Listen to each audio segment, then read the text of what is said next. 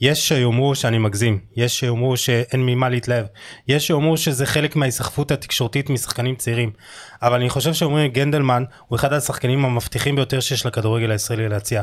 זה לא רק היכולת הפיזית הגבוהה שלו, הנינוחות שלו עם הכדור, הוורסטיליות שלו, אלא בעיקר אינטליגנציית המשחק הגבוהה שלו והיכולת לקלוט ולפרש סיטואציות במגרש וליישם בצורה מהירה פעולות. ויכול להיות שהיכולת הזו והשיפור העצום שלה, זה מה שיעזור לגנדלמן להגיע לרמות הגבוהות ביותר. ואת היכולת הזו הוא משפר יחד עם רוני כהן, מאמן ניורו-קוגנטיבי לספורטאים. שניהם איתנו פה היום, פתיח קצר ועושים סדר.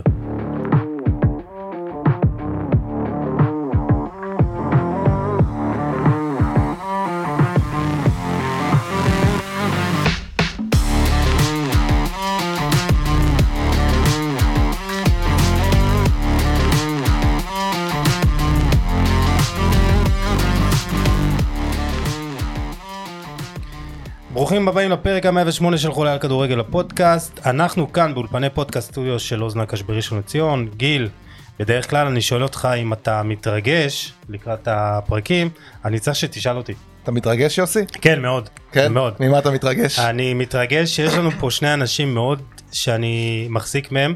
אה, עמרי גנדלמן, מה העניינים? הכל בסדר, מה נשמע? אה, בסדר גמור, כמו שאמרתי בפתיח, אני באמת חושב שאתה אחד השחקנים המבטיחים ביותר שיש לכדורגל הישראלי להציע.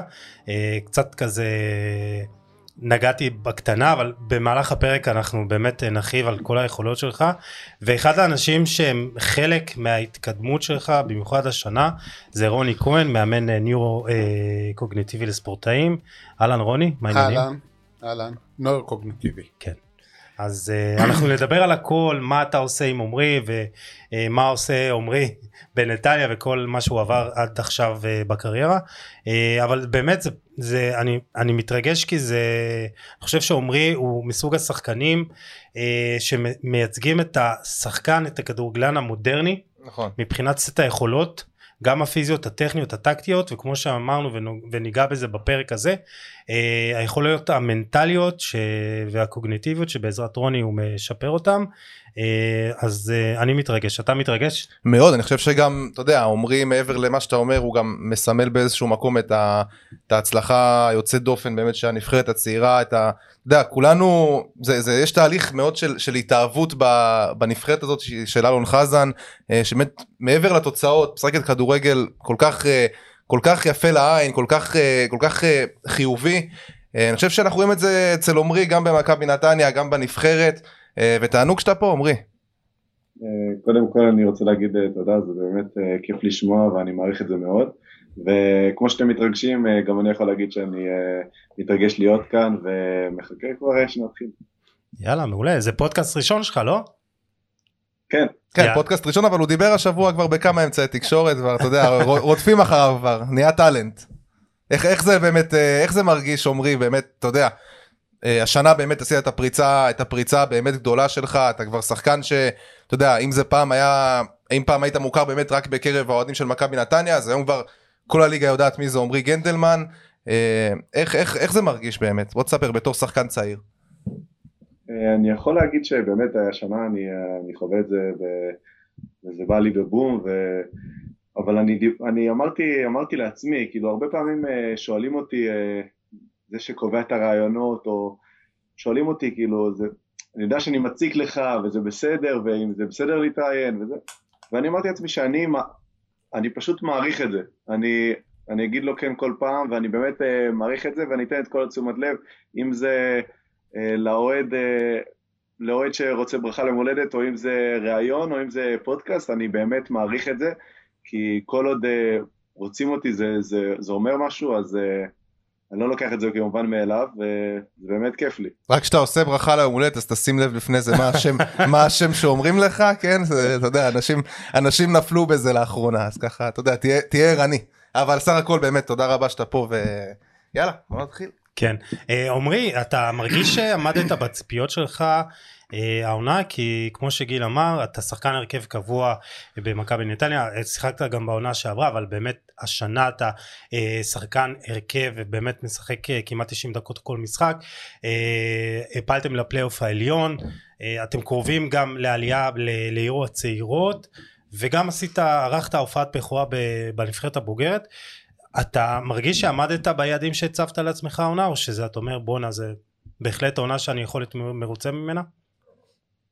אה, כן, קודם כל אמרת גם, נכנסת שעוד לא סיימנו את העונה ויש לנו עוד, אה, לנו עוד אה, מה לעשות, ככה שהעונה הזאת יכולה להיות באמת עונה גדולה גם מבחינתי בפן האישי וגם בפן הקבוצתי, אבל אין ספק שהשנה באמת אני יכול להגיד שאני כן מאוד מרוצה מהעונה כרגע ועשיתי באמת דברים ש...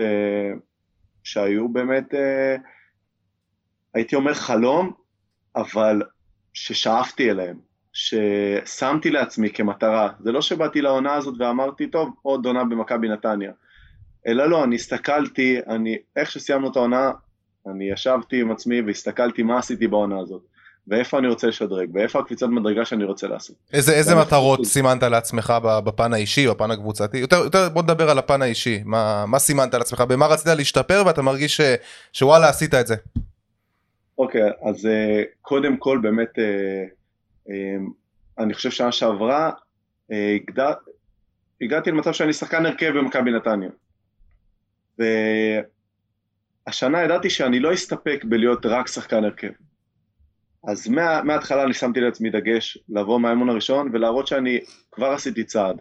ושאני חיזקתי את החוזקות שלי, ואם זה המשחק ראש ש, ש, שדיברו עליו ההצטרפות אה, מקו שני, אז אני עשיתי ניתוחי וידאו ואימונים, ותרגלתי את זה, וידעתי שהחולשות שלי, אה, אולי דברים שאני צריך לשפר, זה אולי אה, טיפה יותר טיפול בכדור, יותר לשפר את הקטע של קבלת החלטות, ועוד משהו שאני שמתי דגש, אני רואה את עצמי בתור שחקן שהוא מנהיג.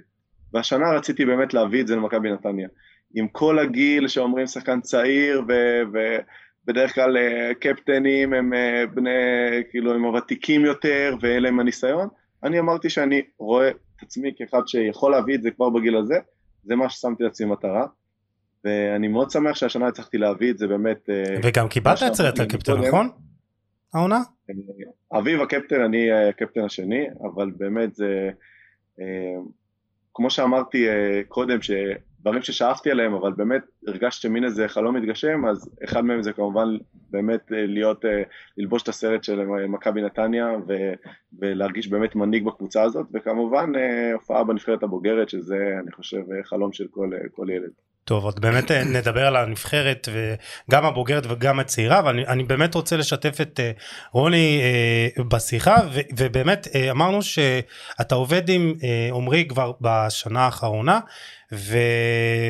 ויכול להיות שאתה יודע אתה חלק מהשיפור שהוא חש אבל קודם כל בשביל שאנשים ידעו מי אתה ומה אתה ומה אתה עושה אז אה, בוא תספר לנו ו- וחשוב להדגיש שאתה לא עובד רק עם עמרי עבדת עם אה, שירן ייני ודור פרץ ומתן חוזז ועבדת לא רק עם כדורגלנים גם עמרי כספי ועודד קטש אז אה, ניתן לך את הבמה ככה להסביר מי אתה. אה, קודם כל אני גם שמח ומתרגש להיות פה ביחד עם עמרי אה, אני הגעתי לספורט מטיפול בלקויות קשב ולמידה. הייתי מטפל בשיטת רביב במכון רביב לפיתוח כישורי קשב ולמידה. והתעסקתי בעיקר בתפקודי חשיבה וכל מה שקשור ללמידה, קשב, חלוקת קשב ומיקוד.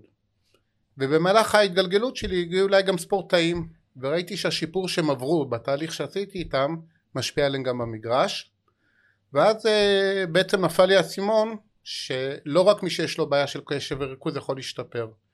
בניתי תוכנית לספורטאים, התחלתי ב-2007 בכדורסל עם עודד קטש ב-2007 עם כספי וכולי והגעתי לכדורגל בסופו של דבר ששם אני עובד הכי הרבה.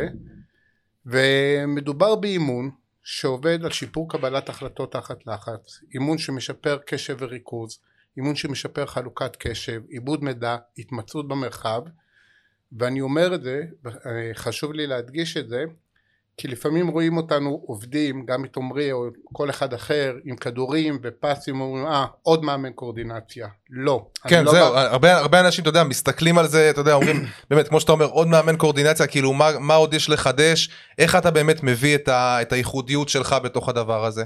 אני אסביר את זה בצורה פשוטה. אני חושב אה, שאני היחידי לפחות בארץ, שהכניס מתודה טיפולית של קשב וריכוז לתוך האימון. בוא תסביר לנו את זה כי אתה יודע מה זה אומר בדיוק. זה אומר שכשאני נכנס לאימון עם כל שחקן, יש לי כמה חלקים באימון. יש אימון שהוא כללי על המוח, לפיתוח המוח, ליכולות קשב וריכוז, שהוא מתאים לשחקן כדורגל, לשחקן כדורסל, והוא מתאים גם למישהו שעכשיו לומד באוניברסיטה ורוצה לשפר את הציונים. זה לא קשור בכלל ישירות לכדורגל. אבל ברגע שאני משפר את התפקודי קשב והריכוז של השחקן, את התפקודים המוחיים שלו, זה ואז משפיע ישירות זה על... משפיע קודם כל על הריכוז שלו במשחק, גם אם נכון. אני לא אעבוד איתו על שום דבר אחר, כבר הוא השיג אה, שיפור. מה עוד, ואתם יודעים את זה, זה לא המקרה של עמרי ולא של שרן, אבל אני עובד עם הרבה שחקנים, חלק גדול מהם כן מתמודדים עם לקויות קשב הספורטאים שאני עובד איתם, ואז זה נופל להם כמו כפפה ליד. החלק השני באימון זה החלק של העיבוד מידע, החלק הקוגניטיבי של כל מה שקשור למשחק.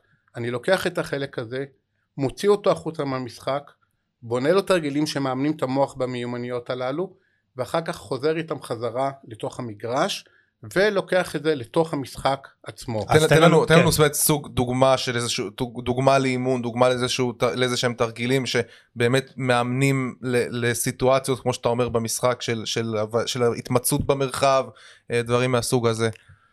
אני אתחיל איתך מהדבר הכי פשוט שקורה. מגיל צעיר אומרים לשחקנים להרים את הראש. עכשיו, מבחינה מוחית, כשאתה רץ עם כדור או אחרי כדור, אתה מסתכל עליו. הביולוגיה אומרת אני עושה מה שנוח לי, אני יוריד את הראש. נכון, המאמן יצעק לי להרים את הראש, אני ארים את הראש, אבל החוזק של המוח הרבה יותר משמעותי ואני אוריד את הראש אחרי זה. עכשיו, הדרך היחידה שאני מכיר, אולי אנשים אחרים מכירים דרכים אחרות, זה לייצר את התרגול שלפני כל קבלה או כל מסירה יש התניה מובנית בתוך התרגיל להרמת ראש. איך אתה משיג את זה? אני משיג את זה על ידי זה שאני בונה תרגיל שאם שחקן, אם עמרי נמצא פה צריך לקבל את הכדור, לפני שהוא מקבל את הכדור, הוא חייב להסתכל ימינה או שמאלה, לקבל איזשהו מידע ויזואלי או שמיעתי או שניהם, וכשהוא עוצר את הכדור הוא, הוא פועל לפי המידע הזה, והפעולה אחרי זה היא עוד פעם ועוד פעם ועוד פעם ועוד פעם. אחד השחקנים שאני עובד איתו אמ- אה, אמר את זה בפירוש שתמיד אמרו לו להרים את הראש אבל כשהוא עבד איתי בחיים לא אמרתי לו את המילה להרים את הראש אבל אחרי שלושה שבועות הוא פשוט הרים את הראש בצורה טבעית. מי זה? אתה- יכול להגיד מי זה? עומר סניור, אה וואלה. עומר סניור שחקן שאמר את זה בפירוש חד משמעי יכולים לראות את זה כן. ביוטיוב. אה, אז זה דוגמה מאוד פשוטה לסוג של לייצר הרגלים נכונים. מעבר לזה גם כשאנחנו מאבדים מידע יש הבדל בין להגיב למנורה שנדלקת שזה תגובה וזה דבר מעולה לבין זה שאני פעם אדליק את המנורה העליונה פעם את התחתונה פעם אני אדליק שתי, שתי מנורות ביחד ולכל הדלקה תהיה משמעות אחרת ובאותו זמן עד שהכדור יגיע לשחקן הוא יצטרך לאבד את המשמעות של אחד משלוש שזה אפילו הרבה יותר קשה ממה שהוא צריך לעשות במשחק. כן. אז זה דוגמה לדרך עבודה אבל היא עקבית והיא סיסטמטית ואני חושב שעמרי יוכל להעיד על זה. זהו. באמת מעניין אותי, מעניין אותי לשמוע, לשאול את, אה, את עמרי באמת, אז אה, קודם כל, איך אתה הגעת לרוני, ובאמת למה, למה חשבת שאתה צריך להשתפר ב, בפן הזה, ואיך אתה מרגיש באמת שהוא שיפר אותך? נתחיל מ- מלמה, מלמה ואיך הגעת אליו בעצם. אוקיי, אה, אז אני באמת הגעתי דרך לרוני. שנה שעברה היה איתנו עוזר מאמן של הקבוצה היה דן רומן. אה, אחלה דן. דן זה כן. ידיד, ידיד ה pod. ידיד המערכת. כן. ו... מדהים. את הפודקאסט איתו. כן. באמת כל הזדמנות שיש, אה, שיש לי ללמוד מדן רומן אני גאון כדורגל, אין ספק. אלך על זה במאה אחוז. אז אה, באמת אני כל הזמן היה לי הרבה שיחות איתו והתחברתי אליו מהרגע הראשון וכל הזמן איפה אני יכול להשתפר והיינו מדברים על באמת על הכל. והוא באמת מה, מה, מהראשונים שהתחילו עם רוני אה, וככה היה לי שיחה איתו והוא סיפר לי על רוני וישר התעניינתי ו, ואני חושב שלא עברו כמה ימים וישר הרמתי טלפון לרוני ו- וקבענו אימון, אני אפילו חושב, יום אחרי שדיברנו כבר קבענו אימון, אני לא אשכח את האימון הראשון הזה, לא, לא, דומה, לא דומה לשום דבר שהכרת לפני זה, כאילו, ב- לא, לא עברת משהו לא, מהסוג הזה. קיצור, באת עם ש- אה, מוכן ל- ל- לריצות ובלאגנים וזה, ואתה...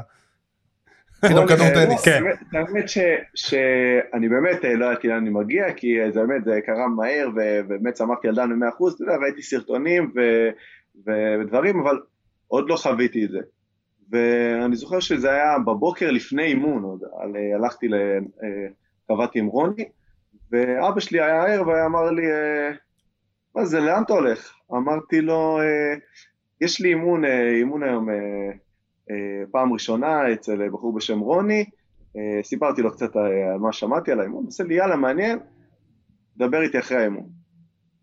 אני, אני באמת, היה לי, כל, כל כך התלהבתי מהאימון שלא עבר שנייה איך שנכנסתי לאוטו, ישר התקשרתי לאבא שלי, אמרתי לו, אבא, שמע, היה לי, נהניתי. מה- תפס משהו, אותך? מה תפס אותי? קודם כל רוני עצמו, באמת אה, זה, זה לא עוד מאמן שמעביר לך אימון ו, ושולח אותך הביתה, אה, אוקיי עשינו אימון. לא, זה באמת מאמן שבן אדם באמת, באמת מדהים, ש, שבהמשך אני אספר איך הוא, איך הוא עזר לי גם בדברים אחרים, לא, לא רק בפן של, של הכדורגל. האימון עם רוני זה הרבה מעבר לכדורגל. אני, אני יכול להעיד על עצמי ש, שהגעתי לרוני כן, אני לא יודע, במטרה לשפר כלים במשחק. באמת לשפר את, הרמת ראש, את הקבלת החלטות, את הסריקה אה, לפני קבלת כדור, את הזיהוי שטחים. אה, אתה לאורך, זה לאורך כל השנים זה, זה משהו שאתה עשית, זאת אומרת לקחת אימונים אישיים, דברים מהסוג הזה, זאת אומרת מילדות כן. אתה עובד גם באופן פרטני קבוע. כן, באמת, מגיל מאוד צעיר אני, אני עובד אה, ומנסה לשפר את עצמי באימונים אה, פרטניים, אבל אצל רוני, אם שאלת אותי מה באמת תפס לי את, ה, את העין ואת ההתלהבות, אז הקטע ש, שזה לא עוד אימון אישי של אה, טכניקה שאני עושה במגרש. יש בזה את הקטע הזה של אה, כמובן, כמו שאמרתי, הסריקות והקבלת החלטות, אבל... אה, ואני זוכר שהדבר הראשון שאמרתי לרוני גם ששיפר אותי, זה הקטע של, ה, של הריכוז. אני הרגשתי באמת שאחרי העבודה עם רוני, אני הרבה יותר מרוכז. זה, מתי, ש- מתי, מתי באמת הבנת שאתה, שזה משפיע עליך? כאילו מתי, מתי התחלת להרגיש את ההשפעה של הדבר הזה? אז קודם כל, אני זוכר אחרי האימון עם רוני, אמרתי לו, רוני, כואב לי הראש. כן, אה, אבל אה, אני זוכר שבאמת אה, אחרי באמת תקופה עם, עם רוני, כמה שבועות, אז רוני באמת היה שואל אותי איך, אתה מרגיש במשחקים, משהו שונה, ובאמת לאט לאט, אה, כמובן זה לא אחרי אימון אחד ולא אחרי שני אימונים, אבל אה, אחרי כמה אימונים, אה, זה היה תוך כדי תקופה של משחקים, ואם יש משהו שהרגשתי, במיוחד שהייתי לקבוצה הבוגרת, ש... ושיחקתי, שיחקתי, אה, זה היה באותו זמן עם אה, ריימונד, שיחקתי וגם שיחקתי 90 דקות, אה, הרגשתי שאני לפעמים מאבד את הריכוז שלי, בזמן מסוים, אולי שאני עייף, אה, בדקות, אה, אה, בדקות אולי קרוב למחצית, או בסוף, הרגשתי שיש דקות שפתאום יורד לי רמת הריכוז. עכשיו, אני גם שיחקתי אה, בלם אה, בתקופה הזאת, וזה משהו שאמרתי, אין מצב שיכול לקרות לי, אני בתפקיד מאוד, ש... שטעות קריטית אחת יכולה להרוס לי משחק שלם, ובאמת, אני ראיתי את זה משהו שאני צריך לשפר, שאני צריך להיות מרוכז 90 דקות. ו... ואם יש משהו שאני יכול אה, להגיד היום, ושזה משהו שהרגשתי אותו ממש באופן מיידי אה, אה, אחרי כמה אימונים עם רוני, זה שרמת הריכוז שלי עלתה. אני, זה גורם לי להיות במשחק, כשאני יותר מורכז, זה גורם לי גם להיות יותר חד, יותר תזזיתי, המחשבות שלי לא, לא נודדות, אני כל הזמן במשחק, אני חי את המשחק. וזה משהו שעזר לי באמת מאוד מאוד, כי בסופו של דבר הדברים הקטנים האלו, זה מה שמונע ממך לעשות את הטעות ש, שאתה עייף, או שנייה חוסר ריכוז אתה, אתה מאבד את השחקן, כן. זה דברים קריטיים, זה דברים שבאמת עוזרים לקריירה. תן לנו איזה. מקרה, תן לנו איזה, איזה מקרה ספציפי, איזה, לא יודע, משהו נקודתי שבאמת הרגשת שוואלה, פה האימון של, האימון של רוני בא לידי ביטוי. אמרת תודה רוני, איזה כן. כיף שאני איתך. אה, אני יכול להגיד שלפני שהתחלתי אה, להתאמן עם רוני, באמת היה משחקים בגביע הטוטו, והיה לי, היה משחק מול אה, הפועל חדרה, שבאמת אה, הרגשתי טוב במשחק, הייתה תקופה של משחקים מצוינים, בשנייה אחת של חוסר ריכוז, השחקן הקדים אותי ועשיתי אה, פנדל. זה כבלם, אתה אומר. כן, אומנם דניאל עמוס לקח בפנדל והכל טוב, אבל זה משהו שבאמת, זה אותם דברים שאמרתי שהפריעו לי, שאיבדתי את הריכוז לרגע, והבנתי שדברים כאלה לא יכולים לקרות. ו... ועכשיו אני יכול להגיד לך ש... שאני באמת מרגיש את זה במשחקים, ואם זה במשחק אה, נגד אה, מכבי חיפה, אה, אני חושב ש... שהייתי כל כך מרוכז, באמת 90 דקות נטו במשחק, חייתי את המשחק כמו שחייתי אותו בדקה העשירית, חייתי אותו גם בדקה ה-94. תשמע, גם, גם בסגנון משחק שאתם משחקים, אתה יודע, אתם, אתם רצים כל כך הרבה ואתם נכון. לוחצים כל כך הרבה, ובאמת יש צורך בתיאום מאוד מאוד גדול בין, בין כל השחקנים, ואני חושב שזה גם, גם קשור לריכוז. נכון, חד משמעית. אה, בסופו של דבר, כדורגל זה, זה משחק של טעויות.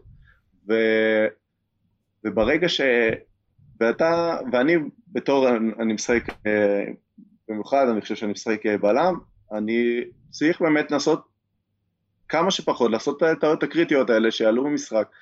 ואני חושב שדרך זה שאני מאוד מרוכז וחי את המשחק, זה באמת מפחית את הסיכוי, את, את הסיכוי שלי לעשות טעות. וכמובן שזה משהו ש, שאני, שאני ארצה לשפר ו, ולעשות, כי זה באמת פלוס מאוד גדול לשחקן. טוב, אה, רוני, באמת ספר לנו עוד קצת אה, על היתרונות של האימון הזה, ובאמת אה, מתוך הניסיון שלך עם שחקנים, באילו תחומים במגרש או אתה יודע פעולות במגרש זה עזר להם? תראה קודם כל אני שמח שעמרי דיבר על הריכוז כי בחלק של האימון זה החלק שלא הכדורגל שאני עושה באימון וזה הערך המוסף שאני מביא לשחקני כדורגל. וזה בטח כשהם לא רואים כדור אז אולי קשה להם יותר להתחייב לאימון או נכון תמיד הם מחפשים את הכדור. כן, כן אבל uh, זה עובד דו כיווני כי בהתחלה זה נראה להם מוזר למה זה קשור למה אני כן. צריך לעשות את זה. אבל זה, זה, זה, בעצם, זה בעצם לעבוד על חלק מסוים במוח יפה. אתה מאמן חלק במוח. נכון ואז הם מתרגלים ועומרי אני אומר לכם אה, שהייתה לי זכות גדולה לעבוד איתו לא בגלל שעומרי גנדלמן המוכר היום והמפורסם עוד לפני שהוא קיבל את הפרסום כי מה שהיה מיוחד בעומרי מהרגע שהוא הגיע ההתנהלות שלו הייתה גם מקצועית גם סקרן, כל הזמן שאל, חקר, מה אני יכול עוד לעשות, תיתן לי עוד טיפים לבית, אני לא נרדם טוב, אני לא זה, יש עוד דברים שצריך לעשות. מה אנחנו עושים במוח כשאני עושה את הפעולה הזאת? הסברתי לו, כל הדברים האלה. עכשיו זה לא רק מקצוענות, אתה יודע, שהוא אוכל טוב, ישן טוב, הוא חי והוא מחפש, וגם בתקופה, עכשיו אה, בתקופה האחרונה אנחנו לא נפגשנו הרבה כי היה לה הרבה עומס, הוא לא מפסיק לתרגל, הוא לא מפסיק לעבוד. אז קודם כל על הריכוז על הקשב והריכוז, על החלוקת קשב, על הסוויצ'ים, התוכנית שאני עושה מאוד מאוד עוזרת לשחקן. מעבר לזה, זה גם דברים שאני מעדיף שהשחקנים שלי יעידו עליהם, אבל כל הנושא של עיבוד מידע במרחב תחת לחץ, יש מה שנקרא אה, העמסה קוגניטיבית. כמו שעושים בכושר גופני, נותנים לשחקן לרוץ על החול, ואחר כך מעלים אותו לאספלט, ואז המוח שלו מורגל לדחוף חזק והוא מרגיש כאילו הוא מרחף ויש לו עוצמה, אני עושה את אותו דבר למוח מבחינת עיבוד מידע. בגדול, בכדורגל שחקן צריך לדעת שטחים ולזהות את הצבע של, השח... של השחקן של הקבוצה שלו ושל השחקן של היריבה. כשאני עושה לו תרגיל, הוא צריך לזהות עוד ארבע וחמש דברים בכמה קומבינציות באותו זמן ששחקן אחר מזהה רק את השטח. אחד הדברים ששחקנים אמרו לי זה שהמשחק נהיה להם יותר קל פשוט הם יותר נינוחים ומרגישים שיש להם יותר זמן עם הכדור. עכשיו אם יש לך יותר זמן עם הכדור אתה יכול לקבל החלטה יותר טובה. כשאנחנו מדברים על שיפור קבלת החלטות אין אזור אחד במוח שאתה מקבל איתו החלטה. זה קשור לתפקודי קשב, ריכוז, מיקוד, עיבוד מידע ויזואלי, עיבוד מידע שמיעתי, זיכרון עבודה, תוכנית עבודה, איזה רגע אתה, אתה צריך לאבד המון נתונים בו זמנית, התיאום והסינכרון הזה ואני לוקח ומפרק את החלקים האלה, עובד עליהם בנפרד וביחד. אתה יודע, זה, זה מעניין, כי היה לנו פרק, אתה זוכר שהיה לנו את הפרק עם מרק, עם מרק ורטיים, וזה כן. בדיוק מה שהוא דיבר, הוא עבד באקדמיה של מיינץ, ובדיוק עמרי תכף ידבר קצת על גרמניה, אנחנו יודעים שיש לו חולשה לגרמניה, אבל uh, הוא דיבר על זה באמת בדיוק על השיטת עבודה הזאתי, של הוא, הוא דיבר על עבודה על המגרש אבל זה פחות או יותר מה שאתה עושה בקטע של באמת להעמיס בקטע של להקשות על השחקן כשהאימונים יהיו תחת לחץ האימונים, האימונים אה, הוא, הוא בעצם רוצה, הוא רוצה שהשחקן יטעה, אין בעיה עם טעויות, בשביל להביא אותו למצב שבאמת במשחק עצמו זה יהיה לו יותר קל. אבל זה שונה, סליחה, אני, אני אוסיף. זה לא להעמיס מבחינה גופנית אבל זה להעמיס מבחינה כן, אה, כן. לחשוב. לחשוב. ו- ויכול להיות שזה אולי מה שיכול לקדם אותנו אה, ב- בישראל אולי אני קצת מקדים את הליינאפ אבל שאנחנו עדיין לא נהיה אנחנו לא מהירים כמו אה, שחקנים אפריקאים או לא חזקים אה, מספיק מהם אבל אם אנחנו נלמד לחשוב יותר מהר אז אולי נהיה יותר טובים. בהחלט, זה המטרה שנהיה גם יותר אתלטים והכל, אבל אנחנו צריכים לשפר מה שאנחנו יכולים לשפר, ושוב, אני עבדתי עם שחקנים שכולם היו ועדיין מוכשרים עם יכולות בסיסיות, ומה שאני עזרתי להם לשפר זה לא את המהירות, אלא את החשיבה. כשאתה חושב יותר מהר, אתה משחק יותר מהר. אני חושב שהדוגמה הכי טובה לזה למה שאתה אומר זה שירן ייני. ואולי אם תוכל להרחיב קצת על העבודה איתו כי שירן ייני אולי הוא דוגמה אה, הכי טובה לשחקן שממקסם את היכולות שלו אבל בגלל או בזכות זה שהוא חכם מאוד. שרן יני כשהוא הגיע לעבוד איתי הוא היה שחקן חכם הוא לא היה שחקן עם בעיות קשב ושרן יני אמר לי אחרי שלושה חודשים של עבודה רוני אני עושה את אותם דברים שעשיתי עד היום אבל הרבה יותר קל לי. אם הייתי קצת מתעייף בדקה 70 והייתי קצת צריך להוריד הילוך היום אני משחק עד הדקה 80-90 עברו עוד חודשיים והוא אמר לי שהוא התחיל לראות ולעשות דברים שהוא לא היה מסוגל אה, לעשות. כמו שרן- מה? דברים שבמגרש קורים. אני יכול להגיד דוגמה שלפעמים שחקנים יש להם נטייה לעשות את המסירה הקצרה או הארוכה כי הם מאוד מכוונים בקשב שלהם ורואים רק אחד עכשיו זה לא הדוגמה של שרן זה דוגמה של שחקן אחר שהיה אומר לי אני תמיד רואה את הרחוק את הקשה כן. כתוצאה מהעבודה מי זה, אתה יכול לספר מי זה?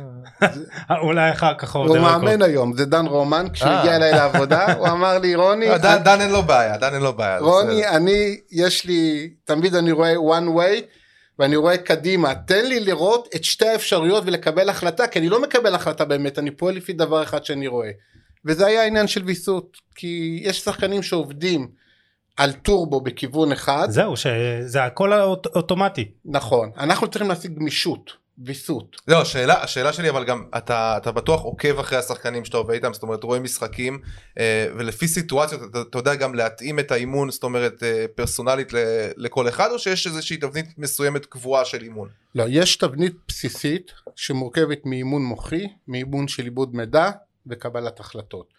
אחרי זה בתוך האימון הזה יש אימון לפי תפקידים. בלם, קשר, שחקן שמשחק עם הגב. והדבר היפה זה קרה לנו גם עם עמרי אולי הוא יוכל להעיד על זה הרבה שחקנים באים אליי ודרך אגב אני לא עובד לבד אני עובד עם ג'וני גולן שהוא מאמן איתי הוא גם מוכשר בשיטת רביב הוא גם מאמן כדורגל והוא המאמן היחידי שנכשרתי לעבוד איתי וביחד אנחנו מפתחים הוא בא מהתחום של הכדורגל והוא מאוד מאוד תורם לי ליישם את זה במצבי משחק. אבל שחקנים באים ואומרים תשמע יש לי בעיה במשחק בנקודה הזאת והזאת. כשאני רץ מפה לפה ואני צריך להסתכל לפה אני לא מספיק לאבד את המידע. ואז אנחנו הולכים הביתה יושבים וחוזרים עם תרגיל ספציפית לשחקן הזה שאיתו הוא מתקשה וזה תרגיל קוגניטיבי ואנחנו מייצרים את הזוויות שמתאימות לו ו... וזה מה שזה יפה. זאת אומרת זה גם כללי זה מתאים לכולם זה גם לפי תפקידים. יש לנו סט תרגילים מדהים לעיבוד מידע קוגניטיבי לשוערים שאנחנו עובדים איתם. עכשיו הרבה פעמים לשוערים אומרים ששוערים אומרים אני לא יודע אם להחליט לצאת או לא לצאת אני אספיק או לא אספיק.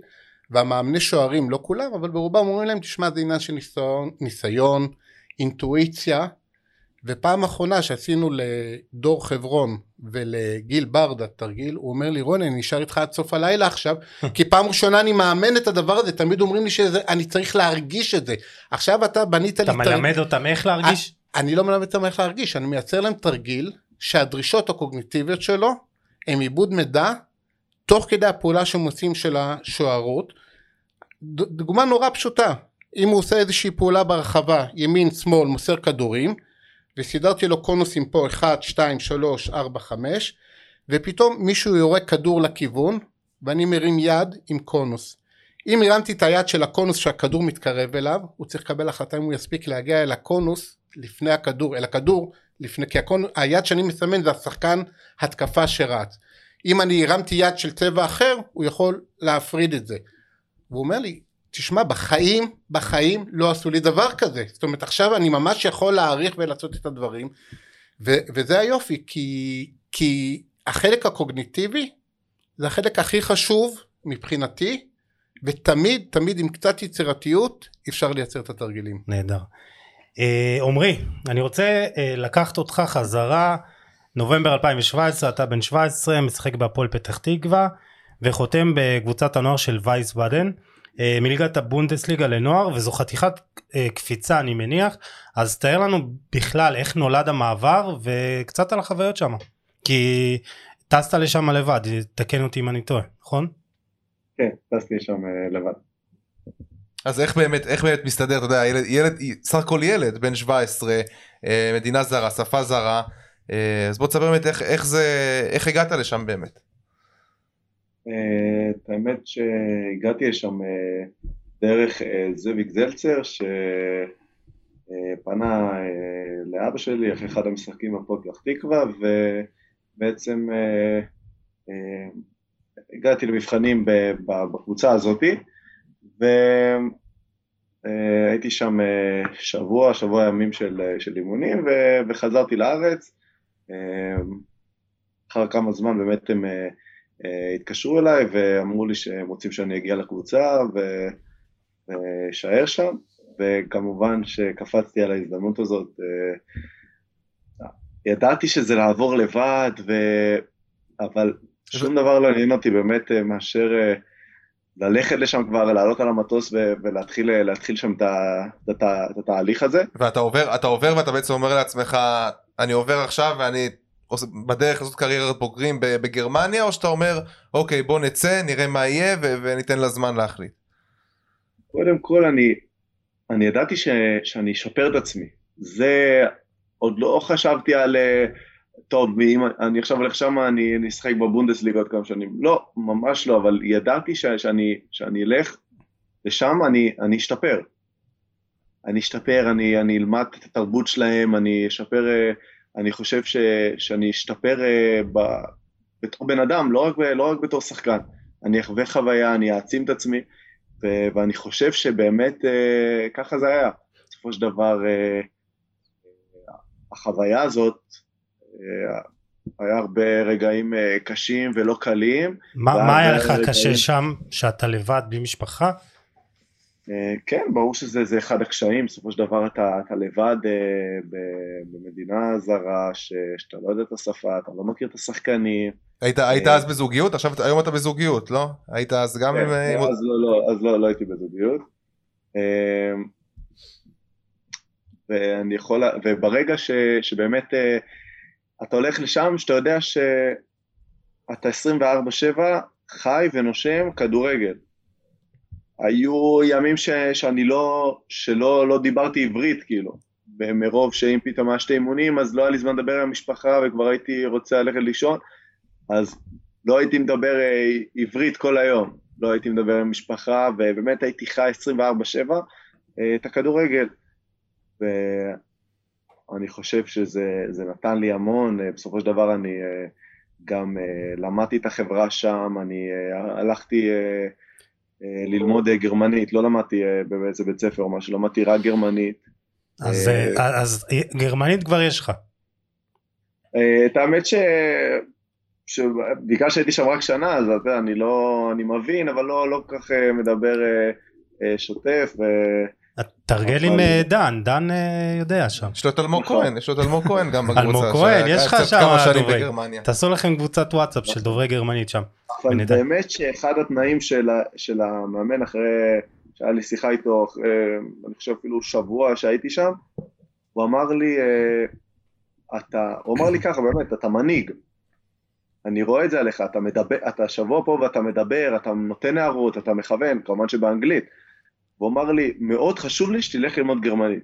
כמובן ש, שבאותו רגע סידרתי את זה, ואחרי שבוע כבר התחלתי אה, ללמוד גרמנית.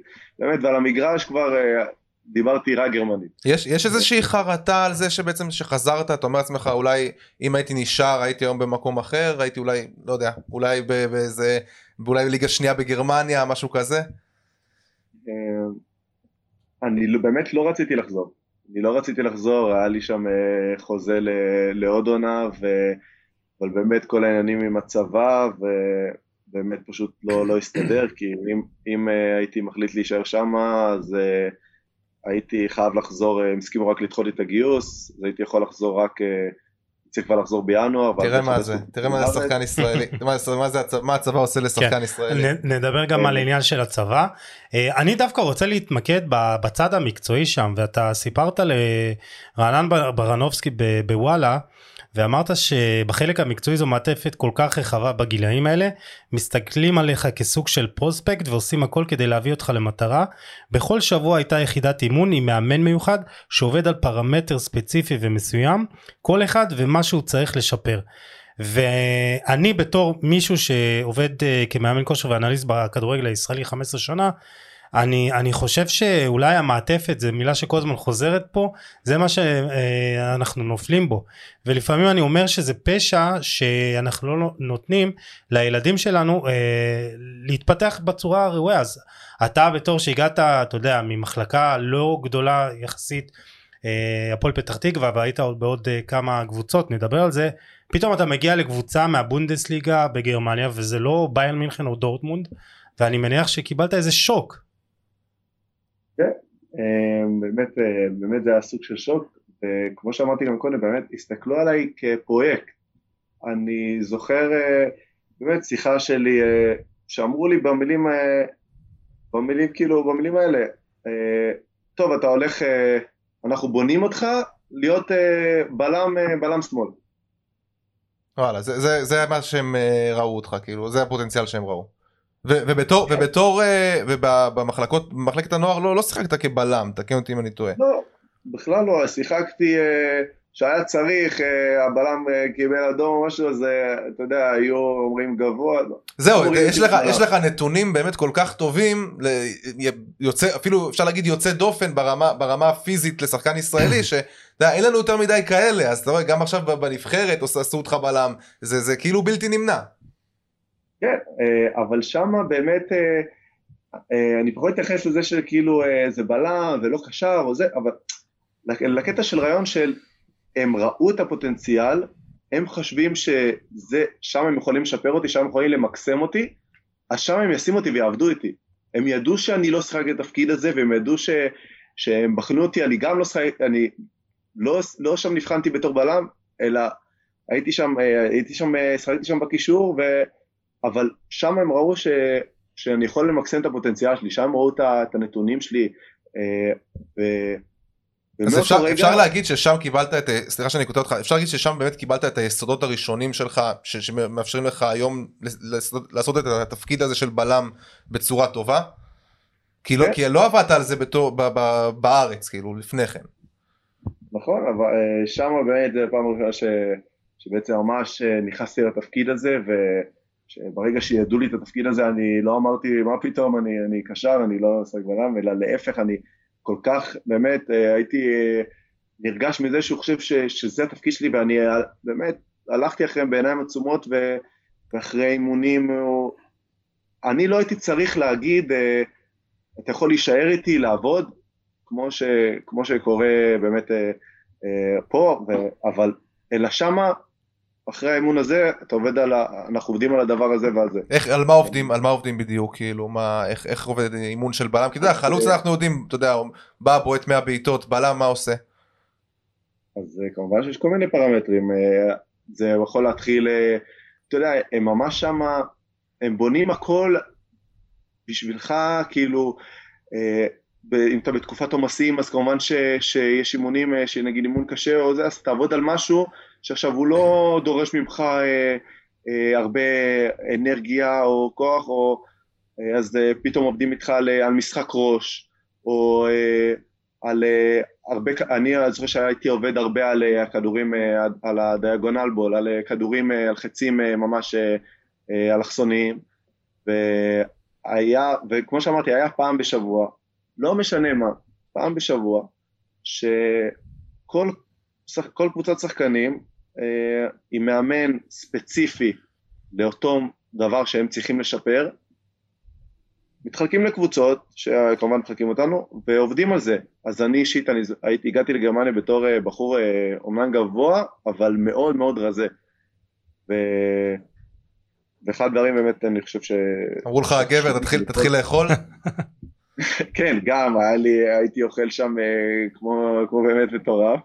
אה, אבל אה, לעבוד איתי על כל הקטע של הכוח, והכוח המתפרץ, והזריזות מהירות, והצעד הראשון, ובאמת, אז פעם בשבוע לפחות, זה מה שהייתי עושה, אימון שלם של זה, והיו שחקנים שהיו צריכים לשפר את משחק הראש שלהם, אז היו עובדים אימון שלם רק על משחק ראש, והיו כאלה של אחד על אחד אה, התקפי, אז זה, זה מה שהם עושים, ובאמת, הכל מהכל, אה, רגל חלשה, אימון שלם של זה, זה באמת, אז... אה, תשמע, זה, זה, זה מדהים. כן, זה... זה, זה מדהים, כי אני חושב שהדבר, ההבדל המשמעותי בין מה שהוא קיבל עד גיל 17 ומאז במשך שנה זה האימון הפרטני הזה שיורד לדקויות כל כך מינוריות ואתה יודע אבל אה, השאלה השאלה למה זה? כאילו למה בארץ אי אפשר לעשות את זה? זאת אומרת שמה, זה מחסור אני, באנשי אני, צוות. זה גם זה גם מחסור באנשי צוות וזה גם באנשי צוות איכותיים כי אם בא מאמן לקבוצה עכשיו עם 25 שחקנים ובמקרה הטוב יהיה לו עוזר מאמן אז איזה אימון הוא יכול לעשות? כאילו אני מניח שזה גם מה שחווית בתור אה, ילד פה בארץ. וגם אולי גם בגלל זה פנית לאנשי מקצוע. וזה מה שמבאס אותי גם. דיברתי על זה בדף שנייה רגע ש, שזה פשע כי יש ילדים מוכשרים שאולי אה, אה, הם לא יכולים להגיע ל... כי אין להם את התשומת לב האישית. אז אני מניח אומרים שאתה כן שאתה אה, אתה יודע לא היה לך את האימון הזה בגיל צעיר אז פנית החוצה. נכון, ואני חושב ש... שאמרת שיש שחקנים מוכשרים בארץ אבל יש, מאוד שח... יש הרבה מאוד שחקנים ש... שלא רק שהם אה, מוכשרים, הם גם מאוד מקצוענים ומאוד צמאים ל... לידע ומאוד סקרנים, mm-hmm. ובאמת אומרים כאילו השחקן הישראלי שהוא לא רוצה, בגלל זה אנחנו לא מתקדמים, ו... אבל זה באמת לא נכון, אני מכיר אין ספור היום כבר כל, כל שחקן שמכבד עצמו בליגת העל, אני רואה, אני עוקב אחריהם באינסטגרם, זה אימונים אישיים, זה, זה, אתה חייב, אתה חייב את העבודה הזאת מעבר, אבל עמרי ברשותך, אני רוצה לקחת אותך אפילו טיפה, באמת מדהים כל מה שחווית בגרמניה, אה, אפשר לדבר על זה המון, אבל בוא, נלך טיפה, עוד טיפה אחורה. אה, תשמע, התחלת בהוד השרון, נכון? תקן אותי אם אני טועה, שיחקת, אחרי זה עברת למכבי פתח תקווה, הפועל רעננה. ואז הפועל פתח תקווה. ואז שוב הפועל פתח תקווה.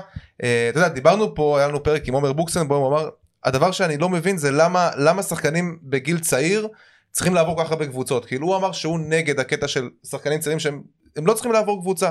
למה, איך, איך הגעת למצב שאתה משחק באמת ארבע מחלקות נוער שונות? אז אני את האמת שהתחלתי באמת בהוד השרון, אה, כמו כל החברים, הלכנו להוד השרון. כן, ו... זה, זה מובן, ההתקדמות מהוד השרון היא מובנת. כן, ובאמת, אה, אז עברתי, אה, היה לי הצעה למפתח תקווה, ובאותו נקודת זמן זה באמת היה, כאילו, גם עכשיו, כמו שאתם רואים, זה מועדון שמפתח צעירים באמת ברמה מטורפת, הם עושים שם עבודה באמת מצוינת. והגעתי לשם ובאמת היה לי שם תקופה אה, מדהימה אה, וטובה, עם באמת, אה, עם נאור לוזון, הוא היה מאמן שלי, שעכשיו עוזר לנו בוגרים. ואני קטע מעניין, אני באמת, כמו שאתה רואה אותי עכשיו גבוה, וכשהייתי ילד באמת, ככה, כך גם הייתי, הייתי גבוה מעל כולם וחזק, וזה היתרונות שלי, עד שבאמת באיזושהי נקודת זמן אני פשוט נעצרתי. מהשחקן הכי גבוה בקבוצה והכי חזק. צמצמו אליך את הפער כל השאר. לא רק שצמצמו את הפער, אני הפכתי להיות השחקן הכי נמוך בקבוצה. אתה יכול באמת לשאול שחקנים, הכי נמוך בקבוצה. הכי נמוך? מה זה, היית בקבוצת כדורסל? איפה, איפה היית? הכי נמוך, הייתי, אני אראה לך תמונות שלי, אתה לא תאמין. קיצור, היית הכי גבוה, הכי נמוך, ועכשיו אתה שוב הכי גבוה. כן, הייתי אה, באמת ואני יכול להגיד שזה תסכל אותי מאוד, אה, הלכתי גם לבדוק את זה וזה, זה באמת, אני late bloomer זה נקרא. אני אה, אחד שההתפתחות שלו אה, מאוחרת. ובאמת שכולם התפתחו אני פשוט לא גבהתי ולא לא, לא התפתחתי פיזית, וכולם פתחו עליי פער שהיה לי, היה לי קשה לגשר, כי בסוף גם זה היה היתרונות שלי, אז עוד לקחו לי אותם, ו... אז באמת... אז למה אה, באמת עזבת את, אה, את המח- את מחלקת הנוער של מכבי פתח תקווה, אחרי זה אה, עברת להפועל רעננה? כי בסופו של דבר אה, רציתי, אה, רציתי לשחק. ו... ומכבי פתח תקווה זה היה באמת אה, מה- מהקבוצות הטובות בארץ. אה, אה, רציתי באמת אה, ללכת ולשחק יותר, כי בסוף בגיל הזה זה, זה מה שחשוב. בואנה תראה איזה אקזיט אבי לוזון פספס פה, תראה, תראה מה זה, לא יאמן. לא יודע, לא נראה לי יאמן. מפטר מישהו עכשיו.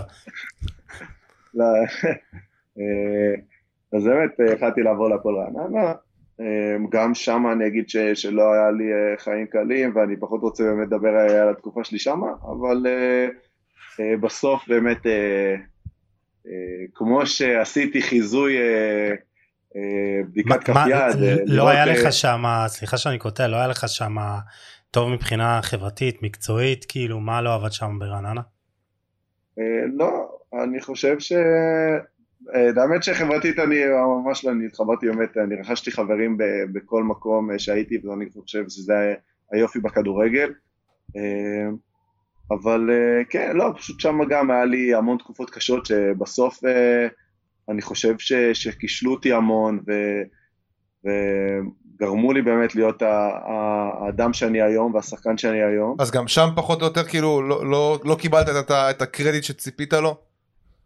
אה, תשמע, אני הגעתי לשם גם בתור שחקן, אתה יודע, הייתי אה, שחקנים שאתה רואה אותם שעכשיו אתה אומר, מה, הם, בגיל הזה הם לא יותר קטנים, כאילו באמת הייתי, אה, לא הייתי נראה בגיל של, של כל שאר השחקנים, עד שבאמת התפתחתי, אה, וכשהתפתחתי פשוט גם מאוד לא, לא קיבלתי את הקרדיט, ו, והחלטתי לעזור להפועל פתח תקווה, אה, ובאמת אה, היה לי טוב שם, ו, ו, ושיחקתי, הייתי שם אה, חצי עונה ושיחקתי, ומשם שהגיעה לי הזדמנות לעבור לגרמניה זה, זה מה שהלכתי עליו.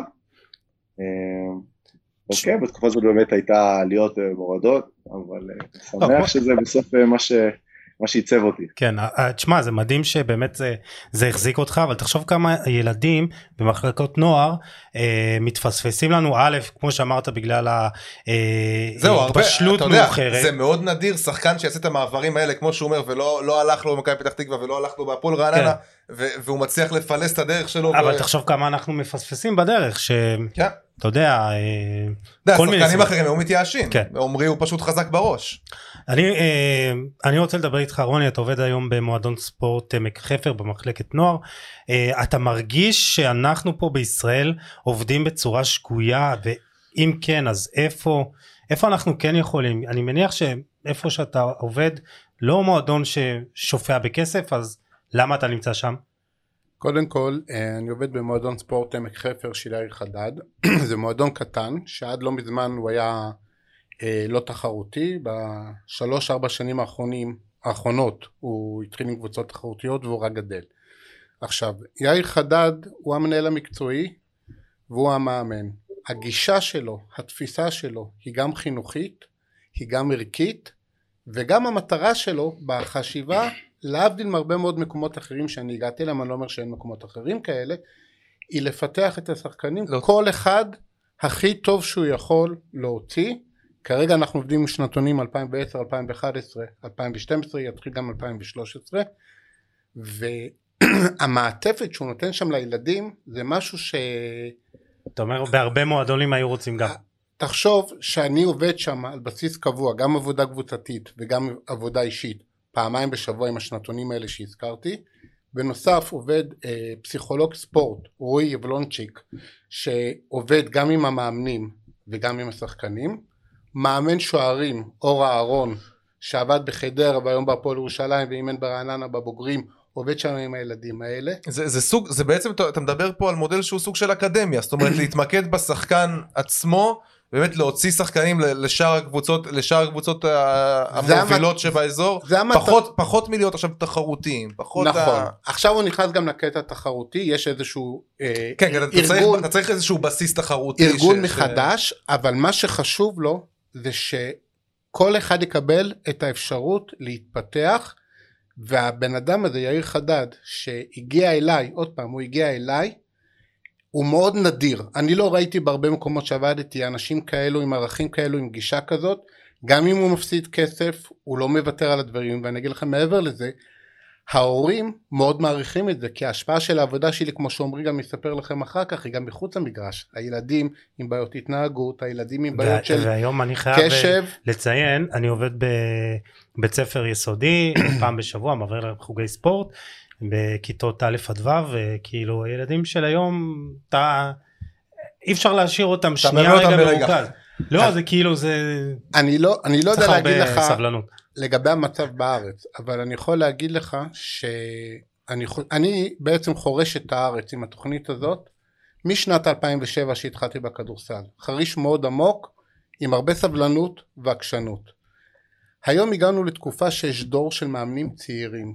דן רומן מאמן עומר בוקסנבאום שהביא אותי גם להפועל תל אביב. אורי אוזן. יש הרבה מאמנים צעירים שהחשיבה שלהם הרבה יותר פתוחה אז יש גם אפשרות לדברים לקרות זה לא קורה במועדונים הקטנים אבל יכול להיות שדווקא אצל יאיר חדד בגלל שהוא מועדון קטן הוא רצה לייחד את עצמו מהמועדונים האחרים ולהכניס את האיכויות האלה גם בגלל האמונה שלו וגם כדי להבדיל את עצמו ממועדונים אחרים זה נשמע כמו אה, כמו מועדון. בוטיק, מועדון בוטיק כזה. מועדון בוטיק בהחלט וזה מדהים כי אני עבדתי עם עוד מועדון בוטיק בכדורסל מכבי רעננה מחלקת נערות במשך שמונה שנים במחלקת הספורט של עיריית רעננה מחלקה מפוארת שהייתה תמיד בטופ עם ראשון היא וראשון תמיד היו בטופ וגם שמה היה מנהל מקצועי בשם יוני דנישבסקי שהביא אותי לשמה הבין מה אני עושה ואמר לי רוני תתחיל לעבוד. גם יאיר חדד גם לי וגם לפסיכולוג תתחיל לעבוד.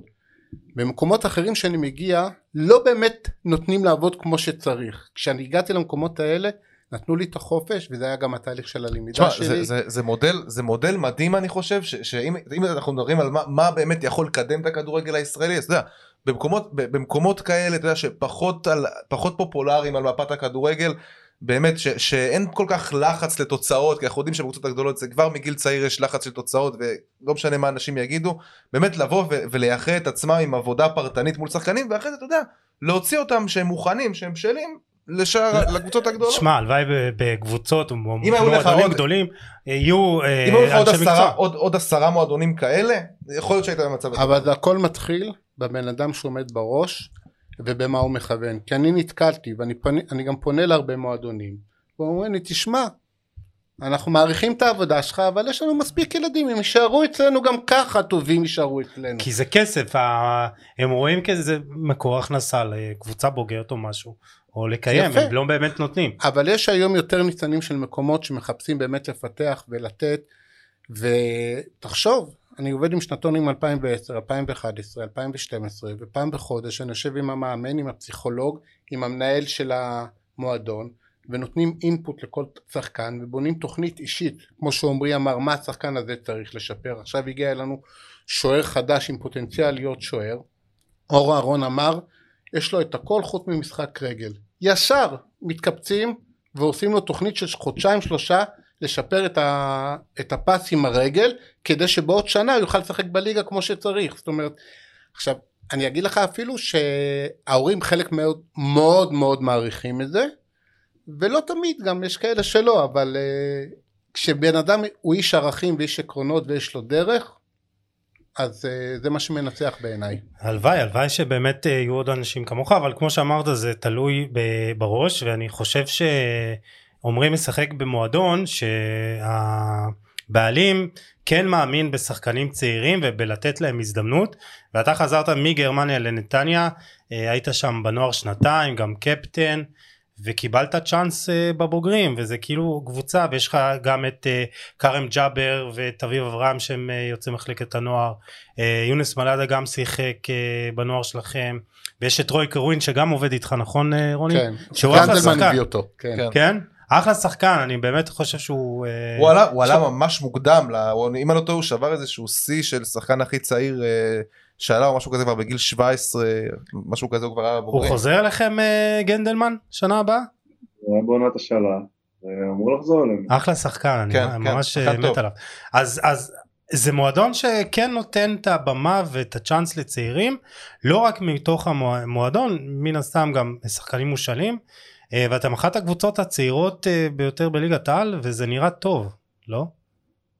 כן, אה, אני חושב שבאמת כמו שאמרת, אה, אני, יש לי רק כמובן דברים דברים להגיד על נתניה, הם נתנו לי כל כך הרבה, וזה לא רק עכשיו אה, ש, שבאמת אה, אני משחק בקבוצה הבוקרת וזה, אני אמרתי את זה גם מהרגע הראשון ש, שהגעתי שם בתור שחקן נוער, אני באמת הרגשתי, הרגשתי בבית, ולא סתם הייתי קפטן של, של קבוצת הנוער, כי באמת הם נתנו לי להרגיש ככה.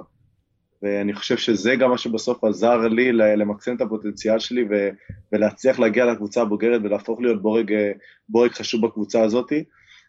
ואני חושב שיש, כמו שאמרת, שיש גם את ג'אבר וגם את אבי וגם אותי, אה, שאנחנו באמת יוצא מחלקת הנוער של, של, של, של המועדון הזה, אנחנו באמת רוצים להחזיר לו, ואנחנו עולים בכל משחק ובכל אימון בשביל לתת באמת 100% למועדון הזה. ואנחנו גם מנסים אה, לשדר את זה אה, לשחקנים האחרים, וזאת הסיבה שאני חושב שאנחנו באמת אה, עושים עונה טובה, כי בסוף, באמת, כמו שאמרת, יש הרבה שחקנים צעירים בקבוצה הזאת, וברגע שנותנים לנו את הבמה, אנחנו באמת עושים הכל בשביל להחזיר, ואני שמח שזה מה שקורה במכבי נתניה. עמרי, יש לי שאלה, אני רואה לאחרונה הרבה שחקנים צעירים שהם גם מתבטאים נורא באחריות ובאמת הרעיונות שלהם טובים. אני חושב בגיל הזה בקושי עזוב שלא הייתה לי עברית נכונה הייתי מתרגש מכל דבר. היום תשמע זה מדהים. אני רואה תראה את גלוך תראה את עמרי עכשיו אני שומע אותו. תשמע הם לא מדברים כמו, כמו בגיל שלהם זה, זה פשוט לא יאומן. השאלה היא האם אתם עוברים איזה סוג של הכשרה? אם זה משהו שהוא מובן מאליו להתעסק בו בדרך או שפשוט ככה. אמ, אני לא עברתי איזשהו סוג של הכשרה, אבל אה, אמ, כמו שאני חושב שאני, אה, שאני בסוף מנסה להיות הכי טוב אה, על המגרש, גם זו בסופו של דבר חלק, חלק מלהיות כדורגלן, ואני תמיד אנסה להגיע כמה שיותר מוכן, ובשביל להעביר את מה שאני רוצה לשדר בצורה הכי טובה, כי אני חושב שגם זה חלק, חלק מהמקצוע. עמרי בוא, בוא נדבר באמת על העונה הזאת. אתם עוברים עונה מאוד מיוחדת, התחילה, אתה יודע, התחילה לא כל כך טוב עם, אה, עם ריימונד, אה, שבסופו של דבר פוטר, אה, ובסופו של דבר אייל סגל ממשיך עם, ה, עם הקו הזה של באמת מאמנים ש, שבאו מעבודה בנוער, אם זה היה לפני זה, לפני ריימונד היה את דראפיץ' וברדה, אחרי זה ריימונד, עכשיו בן עילם. מה הדבר הראשון שבן עילם אומר לכם ב... תספר לי על, על האימון הראשון של בן עילם, הפעם הראשונה שאתה שאתה פוגש את ה... כי הוא דמות, אין מה לעשות, מדובר בבן אדם שהוא, שהוא דמות. מה הוא אומר לכם באימון הראשון? אני תמיד לא הייתי באימון הראשון, הייתי בנבחרת. איך הרס לך את כל הבילדאפ. תגיד שהיית, אוקיי. כן, אבל אה, שחזרתי... מה החבר'ה אה, סיפרו? מה החבר'ה סיפרו חוויות? אז אה, אני לא, אני יכול להגיד איך שחזרתי לאימון, לאימון הראשון, הרגשתי שבני באמת ראה שיש פה אה, קבוצה אה, מאוד מוכשרת, עם סגל טוב, עם אנשים, אה, עם אנשים טובים, עם, אנשים, עם שחקנים שרוצים ללמוד ובאמת רוצים להשתפר, והוא גם אמר לנו את זה. הוא באמת ניסה להביא את הדבר הזה של, של ההתלהבות ושל החיבור של נתניה, ובגלל זה גם הזכרתי קודם את, את ג'אבר ואת אביב ואותי, ש, שאנחנו בעצם צמחנו מהמודל הזה, ואנחנו מנסים להביא את זה לשחקנים. מה, הוא דיבר איתכם על, על הזהות של המועדון, על החשיבות, כי אתה יודע, בן אילם זה בכל זאת, זה אחד הסמלים הכי גדולים של המועדון הזה. נכון, וזה גם מה שהוא אה, ניסה להעביר לנו בעצם, החיבור הזה שצריך להיות לנו עם הקהל ועם המועדון ו... ועם נתניה באמת, עם נתניה עצמה, ומהרגע הראשון הוא עושה את זה עם התלהבות ועם תשוקה, והוא באמת מעביר את זה לנו, והוא מביא לנו ואני באמת לא נכנס פה לצד המקצועי, אה, למרות ש... אבל זה דווקא מעניין, כן מעניין, אתה יודע, אנחנו מדברים על התלהבות, זה על מה, כן, בפרקטיקה. כי, כי בסוף, בסוף אם, כשבא מאמן, זה לא כל מאמן, בין אם הוא מחליף או בין אם הוא מתחיל את העונה, הוא צריך להביא לכם את האמונה שהוא יכול לעשות אתכם גם יותר טובים ושתוכלו לשחק ומה בעצם אה, החוזקה של בני מעבר להתלהבות ולחיבור אז באמת כי אתם משחקים כדורגל גם מדהים. תשמע אתה ראית אותם כאילו במשחק הראשון של בני אה, בעצם ב-4-2 על מכבי לא אבל גם נגד מכבי חיפה זה כן. היה כדורגל מעולם אחר כאילו זה הכדורגל שאנחנו רוצים לראות בישראל.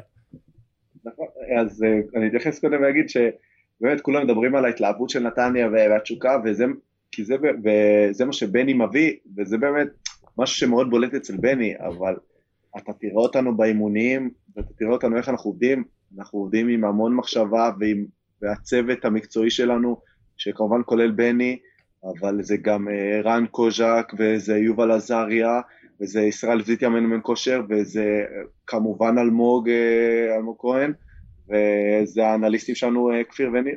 באמת, כולם עובדים, ועופר בסון המשוררים, כולם עובדים באמת בשביל, וחושבים איך לשפר את הקבוצה הזאת, איך אנחנו נגיע מוכנים, ואנחנו מתייחסים באמת לכל משחק בשביל לדעת איך אנחנו יכולים למקסם את היכולות שלנו, מה אנחנו צריכים לעשות, הרבה מחשבה של כדורגל, זה לא רק uh, התלהבות ותשוקה, וזה, כמובן שזה המפתח וזה הבסיס שלנו, זה מה שאנחנו מאמינים, זה ה-DNA של, של מכבי נתניה, אבל יש הרבה מאוד כדורגל מאחורי זה, ובאמת שזה מה שאנחנו עובדים עליו אה, באימונים, ואני חושב שרואים את התוצאות גם. תשמע, יש, יש באמת, אמרתי כבר את זה כמה פעמים בפרק הזה, שיש אווירה מיוחדת סביב, סביב מכבי נתניה השנה, ותשמע, כשמסתכלים עליכם, אתה אומר, יש פה מועדון עם היסטוריה מפוארת. מתקן אימונים מדהים. מתקן, עם מתקן אימונים מדהים, עם קהל. יש לכם שחקנים, יש לכם שחקנים שתשמע, אין בקבוצות הגדולות, פתאום אתה רואה איזה טוואמאסי כזה, אתה רואה חלוץ אה, זלטנוביץ', אתה רואה קרצב, פרפגו יגון שאתה יודע, הגיע ממכבי תל אביב, והוא חוזר למכבי תל אביב כאחד השחקנים הטובים בליגה.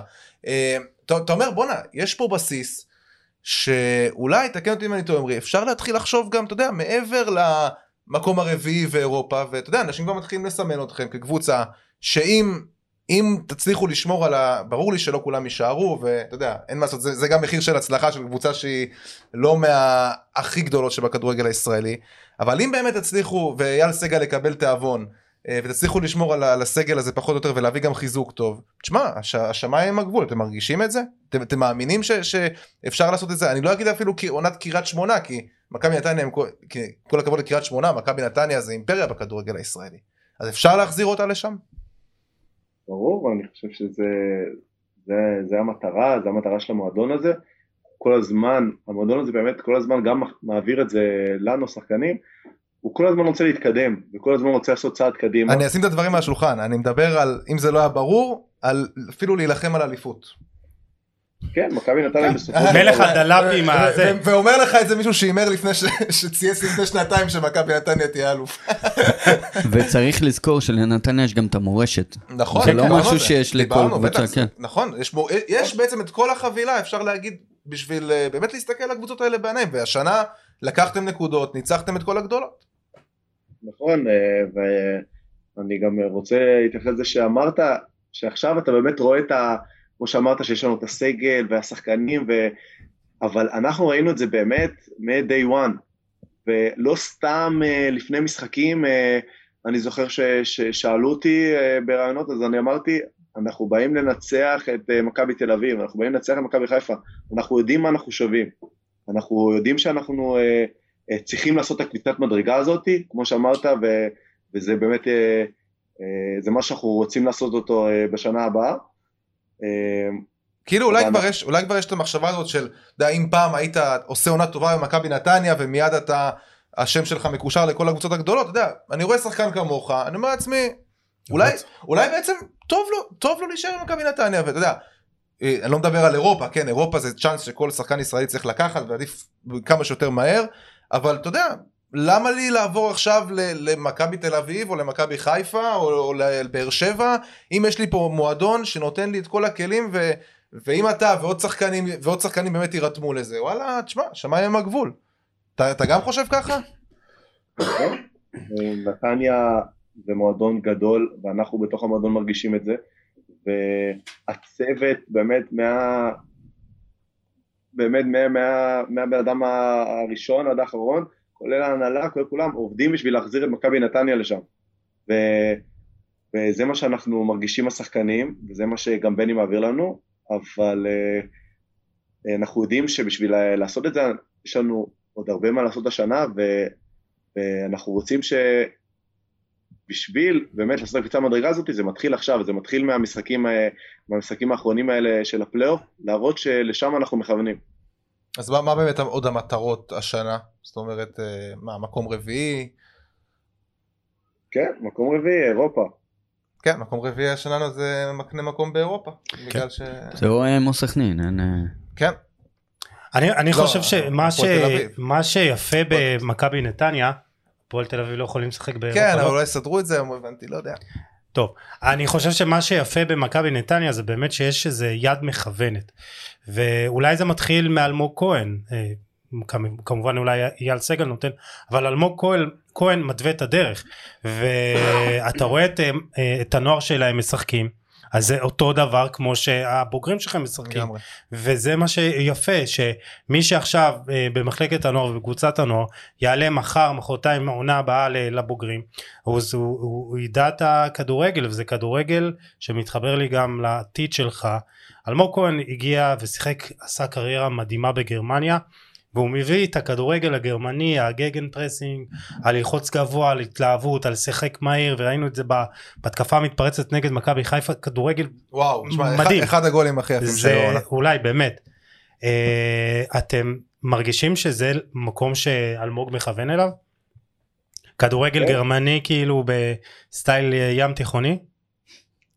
אה, אלמוג כהן, אני רק יכול להגיד, הוא עושה עבודה באמת מדהימה, וכן, זה מה, ש, זה מה שהוא מכוון לזה, לא סתם אה, שהתחלנו באמת הקטע הזה, קיבלנו, אה, אני אישית קיבלתי ממנו דיסק און קי, עם כל המשחקים של אה, אה, אינגולשטאט, כל הקטעי לחץ שלהם, אני, אני ישבתי יום שלם וראיתי את כל המשחקים נגד ביירן מינכן ונגד בורוסיה דורטמונד כן כן כן הוא. שיחק עם אה, אינגולשטאט עם אה, והם ניצחו את ביירן מינכן באיזה משחק עם אה, כן. אזנוטל. אתה מת על הזנוטל. מה מת על אזנוטל. ובאמת, ונגד כל הקבוצות הגדולות, ואתה ראית איך הם לוחצים, וזה היה, באמת, אני תפסתי את הראש, אמרתי, כאילו, הם גורמים לביירן מינכן, לשחקנים כמו, אה, אה, אני פתאום רואה אלמוג לוחץ את אה, חווי מרטינס, גורם לו להיראות כמו ילד קטן, ונוייר מעיף שם כדורים, ו... באמת זה, זה היה משהו ש, שכיף לראות ועוד שחקנים קיבלו את הדיסק-און-קי הזה וזה משהו ש, שכמובן החדיר בנו אה, מוטיבציה ואלמוג מה, מה, באמת מהיום הראשון בא והחדיר לנו שזה זה הרעיון של מכבי נתניה, זה ה-DNA של מכבי נתניה, לשם אנחנו הולכים ואנחנו... אז בוא לא בוא בוא בוא אני שנייה. יכול להגיד. תחשוב, תחשוב רגע על הקבוצה הזאת, זאת אומרת בן אילם מגיע באמצע העונה, תחשוב עכשיו הקבוצה הזאת תהיה באירופה, לא תהיה באירופה, תתחיל את השנה, תיסע למחנה אימונים, תחשוב כמה זמן יש לבני לעבוד עכשיו עם הקבוצה בשקט, ותחשוב לאיזה רמה זה גם יכול להגיע, זאת אומרת עכשיו יש לו באמת זמן לעבוד בלי משחקים, להכין את הקבוצה, תשמע, זה, זה יכול להגיע לרמות אה, אפילו הרבה יותר גבוהות ממה. שאנחנו רואים עכשיו. בוא נקווה שכולם יישארו בעונה הבאה. אני בטוח שיהיו שינויים, תשמע, אבל, אה, אבל גם אפשר להביא שחקנים טובים בסופו של דבר. אני רוצה לשאול אותך לגבי העתיד קצת. אה, גרמניה, היית בגרמניה, אתה משחק כדורגל גרמני, בורוסיה דורטמונד, זה המטרה? אם בורוסיה דורטמונד תציע לי חוזה אני לא אסרב. ראיתי, ראיתי שנפל להם המשא ומתן עם, היה אמור להיות להם משחק עם מכבי כן. תל אביב, אז אולי, אולי יעשו משחק נגד אולי מכבי נתניה. הנה, בום. לא, לא, לא. תשמע, זה, זה ישר הקבוצה שעלתה לי בראש, שמע, דורטמונד נגד נתניה זה משחק... אה, אתם זוכרים שהיה את אה, שלומי דהן ואת תמו סאסי, אתם זוכרים? לפני 20 שנה, היו שם מחלקת נוער, יצאו לדורטמונד מנתניה, ומשהו שם התפקשש, נכון עוז? מה זה היה, צבא? זוכר איזה משהו כזה. כן. אז אולי אה, אה, גנדלמן יעשה את התיקון של אה, עמוס סאסי וזה. הלוואי, הלוואי. עמרי אבל בקשר ליציאה לחו"ל יש יש כאלה שחקנים שמאמינים שאו שאתה יוצא לליגה בכירה ולקבוצה כמו שצריך או שאתה עדיף להישאר לפעמים בבית כי לצאת למקומות כמו קפריסין או בלגית שנייה או כל מיני כאלה מה מה עמדתך בנושא. אני חושב שיש הרבה, הרבה מאוד משתנים בנושא הזה. כל אחד, אה, זה באמת, אה, כל אחד ו, ו, ומה שנכון לו, יש הרבה שחקנים שזה נכון להם, ויש הרבה שחקנים ש, שכמו שאמרת, אולי עדיפו אה, להישאר בבית, שזה באמת מרגישים שזה זה יותר טוב להם, ויותר, ושם הם יכולים באמת יותר למקסם את הפוטנציאל שלהם. הכל שאלה באמת של כל אחד מה הוא חושב שהוא יכול למקסם את הפוטנציאל, כי בסוף אתה רוצה להיות השחקן הכי טוב שאתה יכול להיות. ו- תשמע, גם היום, היום קשה מאוד לשחקן הישראלי, צריך להגיד את זה, קשה לצאת לאחת מהליגות, כי זאת אומרת מליגת העל ישירות לאחת מה top five, זה משהו שהוא כמעט בלתי אפשרי, אנחנו רואים, ראינו את דור פרץ עכשיו, יונתן כהן אחרי כמה עונות שיא במכבי תל אביב הולך לליגה שנייה, אתה יודע, אם, אם היינו מדברים לפני 15 שנה, אז הם הולכים לאיזה ראסינג סנטנדר כזה כמו יוסי בניון. כן. היום זה כבר, אתה יודע, זה כמעט ולא קיים. שחקן ישראלי שיעבור מליגת העל לפרמייר ליג זה משהו שהוא בכלל, אתה יודע, דמיוני. זה, זה קשה, אתה אומר, אולי, אולי אפילו תחנת ביניים באוסטריה כזאת למי שרוצה להגיע לגרמניה, זה גם משהו שמבחינתך נלקח בחשבון? אה, ברור, בסוף אה, אה, מתייחסים ל, לליגות האלה כאילו זה, זה ליגות... לא, לא, זה ליגות הרבה, הרבה יותר טובות משלנו, לא, כן. בסוף זה, זה אירופה וזה... זה ליגות ש, שמושכות את העיניים ואתה משחק שם ברמה מאוד גבוהה ואני חושב שרואים ששחקנים שמקבלים את ההחלטה הזאת אה, לעבור, אה, לעבור אה, לקבוצות האלה, בסופו של דבר עושים, ועושים את התחנות ביניים האלה, ומתמידים ובסופו של דבר מצליחים, יש, יש שחקנים ישראלים שהגיעו לליגות הבחירות מהתחנות ביניים. שון וייסמן. כן. כן. מה החלום שלך? החלום שלי כמובן לשחק, לשחק באירופה או בונדסליגה, זה באמת... אני אוהב את זה שהוא אומר בונדסליגה, כי כל שחקן ישראלי שואלים אותו, הוא אומר ליגה ספרדית, ליגה... שמע, הוא מתאים, עכשיו אני אגיד לך למה אני חושב שגם... הוא יודע, הוא יודע מה, הוא, כן. מה הוא רוצה, מה הוא אוהב. למה אני חושב שזה יתאים לך בול, כי אתה יודע, היית שם. אבל ראיתי את זה במשחק נגד גרמניה בנבחרת הצעירה, בעיקר במשחק השני. ואמרתי, בואנה איזה נבחרת יש לנו, ואיך אתם מתמודדים בצורה מדהימה מול, גר... מול שחקנים שהם משחקים בביין מינכן ודורטמונד וכל באמת קבוצות מדהימות. והייתם איתם באינטנסיביות ולחצתם והנעתם את הכדור והגעתם להזדמנות ואני שם את התוצאה בצד כאילו גם במשחק הראשון גם במשחק הראשון אה, נכון. טרגי, לא, כן? לא ראיתי את המשחק הראשון הוא דפק שם, כן, כן, הוא דפק שם גול של החיים אה, במשחק, במשחק הראשון בגרמניה. אז זהו אז המשחק השני אמר בואנה אתם מתמודדים שווה בשווה. אז א' אמרתי בואנה אתם שווים גם אה, לשחק בליגות האלה. מצד שני אני כאילו צררתי תסכול שאני אומר בואנה איך אנחנו בנבחרת הצעירה מתמודדים, מתמודדים איתם שווה מול שווה? ואז כאילו שנה שנתיים אנחנו כאילו הפערים הם שמיים וארץ. איך אתה מסביר את זה כאילו עמרי? אה, נכון כמו שאמרת באמת אנחנו אני חושב ש... במשחק השני אפילו אני חושב ששחקנו באמת אה, יותר טוב במשחק במשחק הראשון, כי במשחק הראשון הגענו פעם ראשונה מונפת גרמניה ו... ואמר, ובאנו באמת כאנדרדוג מובהק ו... יש, יש באמת... חשש, יש חשש לפני משחק, לפני משחק כזה? זאת אומרת, גרמניה, אתה יודע, בכל זאת, גרמניה זה תמיד מפחיד, אין מה לעשות. במיוחד אחרי היום. אנחנו מדברים בטיימינג, אה, כן. בטיימינג. גרמניה בחוץ, אה, כמובן שזה, שזה מלחיץ, אבל אה, אה, יש משהו בנבחרת הצעירה הזאת, בשחקנים ובאופי של השחקנים, שכולם מרגישים כל כך ביחד ונותנים ביטחון אחד לשני, שאנחנו באמת באנו בלי פחד, ואני חושב שראו את זה גם. וכל משחק שלנו בנבחרת הביא לנו עוד יותר ביטחון ואמונה שאנחנו יכולים לעשות את זה, והדוגמה באמת הכי טובה, אז אני חושב זה גרמניה בבית, שגרמניה, נכון, בסופו של דבר לדעתי אנחנו צריכים לעשות את הקפיצת המדרגה הזאת בשביל לא לעשות את המשחק הזה 1-0, אבל אני חושב שראינו פה נבחרת ש... שמשחקת כדורגל מצוין, באמת, נגד אה, נבחרת כמו גרמניה, שהיא אלופת, אה, היא אלופה של אה, עד גיל 21, ובאמת מבטלת אותה. כמובן שבסופו של דבר אנחנו דיברנו על זה אפילו בין, בין השחקנים, אנחנו רוצים לעשות את הקפיצה במדרגה הזאת, שהמשחק הזה ייגמר עם שלוש נקודות לטובתנו, לא לטובתם.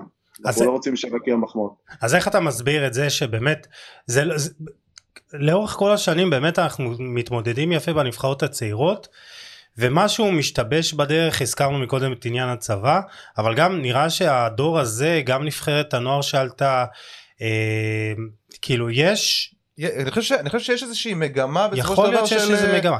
איך, איך אנחנו מבטיחים שהדור הזה שלכם יביא את הנבחרת את, עוד קצת את הבוגרת את הקפיצת מדרגה הזאת שחסר. שחסר לה.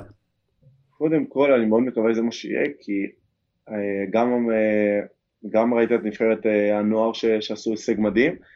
אומנם אני לא מכיר שם את השחקנית אישית אבל אני מכיר את השחקנים מהנבחרת הצעירה ואני באמת חושב ש, שהעתיד הוא עתיד מבטיח כי אני לא מסתכל על הכישרון של, של השחקנים.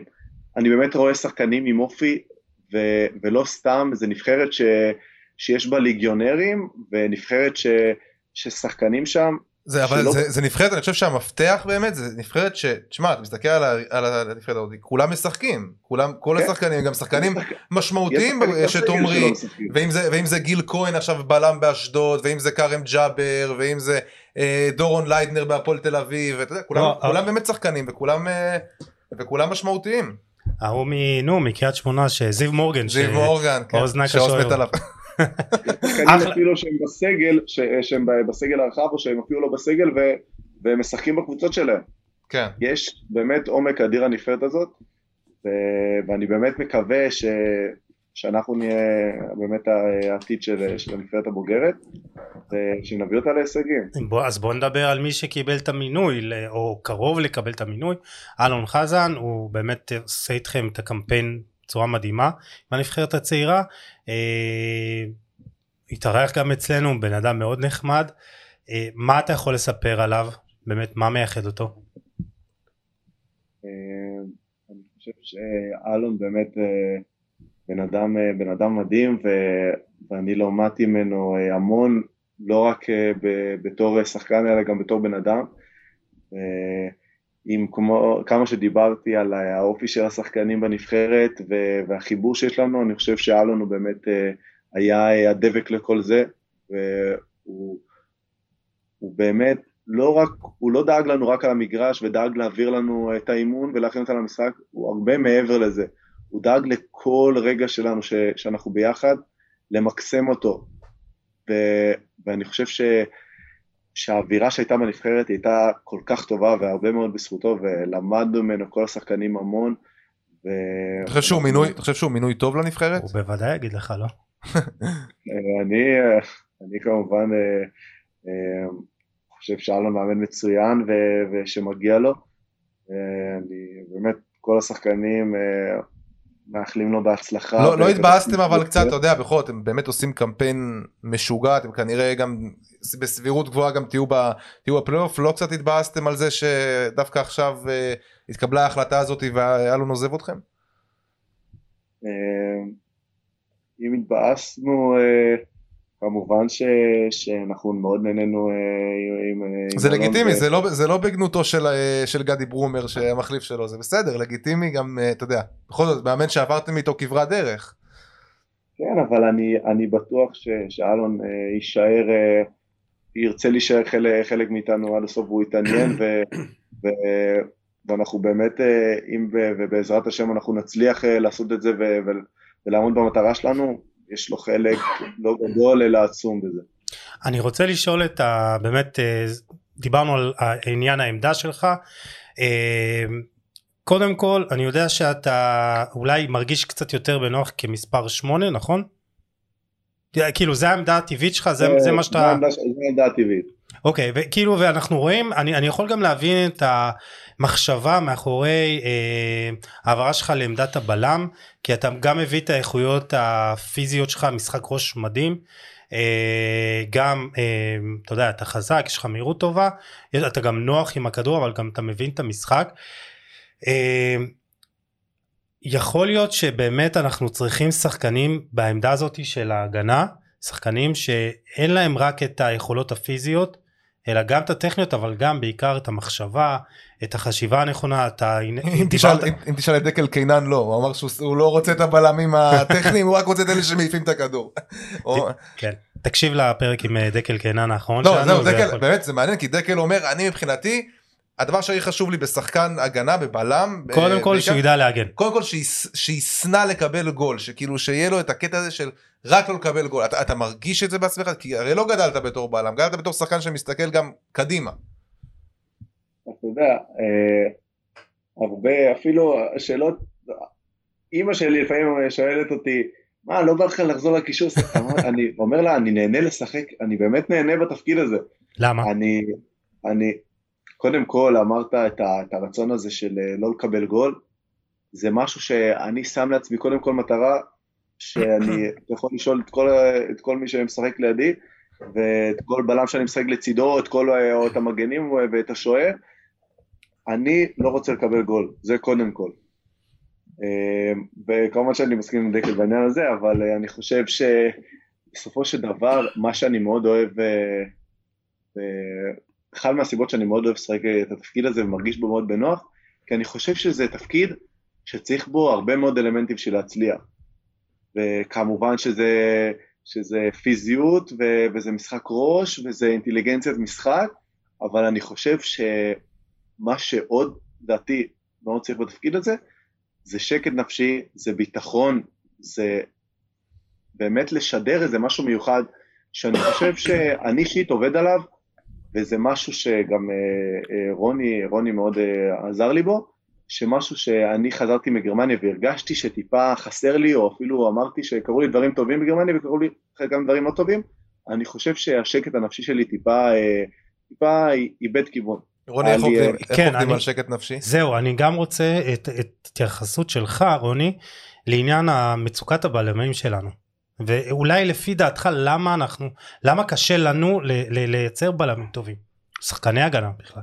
תראה את התחום הזה למה קשה לנו לייצר אני לא בא מהתחום של הכדורגל אז אני קטונתי מ- מלדבר על זה אבל uh, לגבי השקט הנפשי שאומרים לדבר עליו הלחץ ששחקן נמצא בו. כדורגל דן רומן אמר לכם זה יותר מורכב משחמט זה כאוטי. ובכל שנייה המצב יכול להשתנות. עכשיו מעבר ליכולות הטכניות, ההתמודדות שלך עם לחץ. עכשיו הרבה פעמים אנחנו חושבים שהתמודדות עם לחץ זה איזשהו מרכיב מנטלי בלבד. והרבה פעמים אנחנו רואים שחקני נוער שעולים לבוגרים ולא כל כך מצליחים להשתלב והרבה אומרים המנט... הם... אין להם מנטליות מספיק חזקה. כן. עכשיו אני פה על הנקודה הזאת אני חולק. רוב השחקני נוער שעולים לבוגרים. יכול להיות שיש איזשהו שלב מנטלי שהם צריכים לעבור אותו, אבל הרבה פעמים זה החלק הקוגניטיבי, זה המהירות משחק, זה הקצב משחק, זה הקצב עיבוד וזה, מידע. וזה גם משפיע על הביטחון בסופו של דבר. בוודאי, תוך כדי הלחץ. עכשיו, אני לא עושה עבודה מנטלית, אני לא מדבר איתם, אני לא שואל אותם ונותן להם עצות איך לעשות. אני עושה בעבודה שלי בקשב הריכוז, עוזר להם לווסת יותר טוב את עצמם, לווסת ברמת הפעילות החשמלית תוך כדי העבודה שהם עובדים, ברגע שהם יותר מאוזנים, הם יותר שקטים, הם יכולים לקבל החלטות יותר טובות. עכשיו אני כן נותן כלים של הדמיות וכדורי אור וקצת הרפיות ונשימות וטיפים קצת להרטיב שפתיים כשלחוצים כי התגובה הראשונה ללחץ זה יובש בשפתיים וקצת איך אה, לשמור ומי שמקשיב לי כמו עמרי לוקח את זה עד הסוף ו, ומשתמש בדברים האלה וזה כלים שעוזרים להם. עכשיו השיפ... הרבה אומרים לי מתקשרים אליי הורים לילדים אתה מאמן מנטלי? לא. אבל התוצאה של העבודה יש לה גם נגזרת מנטלית מסוימת אבל אני לא מאמן מנטלי פרופר ואני חושב שהרבה שחקנים שרוצים לעשות את המעבר מגיל נוער לבוגרים העבודה היא קודם כל קוגניטיבית ברמת לחץ של המשחק בקצב משחק ו... ושם זה מקומות שאני יכול מאוד מאוד לעזור ויש כמובן השפעה מנטלית וגם דור פרץ אמר את זה גם שרן כן, זה, זה, מאוד, זה מאוד הגיוני כי אתה יודע בסופו של דבר אתה מגיע ל, לקצב אחר לגמרי לאתגר, לפיזיות שונה לגמרי הכל, הכל שונה וזה זה, זה, זה באמת בין נוער לבוגרים זה משחק משחק שונה לגמרי וכשאתה מגיע מוכן וכשאתה מגיע ואתה יודע לעמוד בקצב הנכון אז מן הסתם הביטחון שלך גם בהחלט. עולה ו- וזה מה שאתה מדבר עליו בקטע כן, המנטלי. ברגע שאני משפר את הקבלת החלטות שלי אני עושה פחות טעויות אני משחק עם יותר ביטחון. קיצור הטעויות נראה לי זה המרכיב הכי קריטי כן, ביצירת כן, שחקני כן, הגנה כן. יותר טובים אה, ואולי אתה יודע ברגע שהם אה, ילמדו לתפקד תחת לחץ ולקבל החלטות בצורה הרבה יותר שקולה ויהיו הרבה יותר מרוכזים לא נקבל גול דקה 90 מקרן. כן. לא? חלום.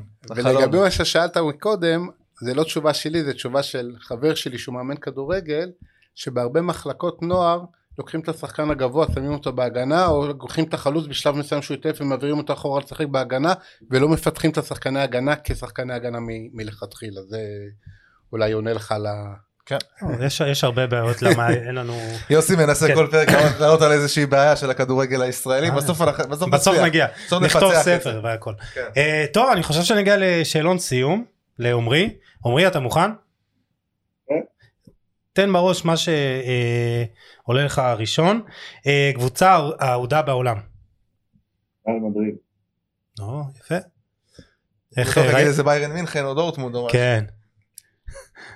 מה אתה אומר על המשחק ביום אה, שלישי? טירוף, אה? אחד המשחקים, אין דברים כאלה. אחד המשחקים הכי טובים שראיתי אני חושב ever.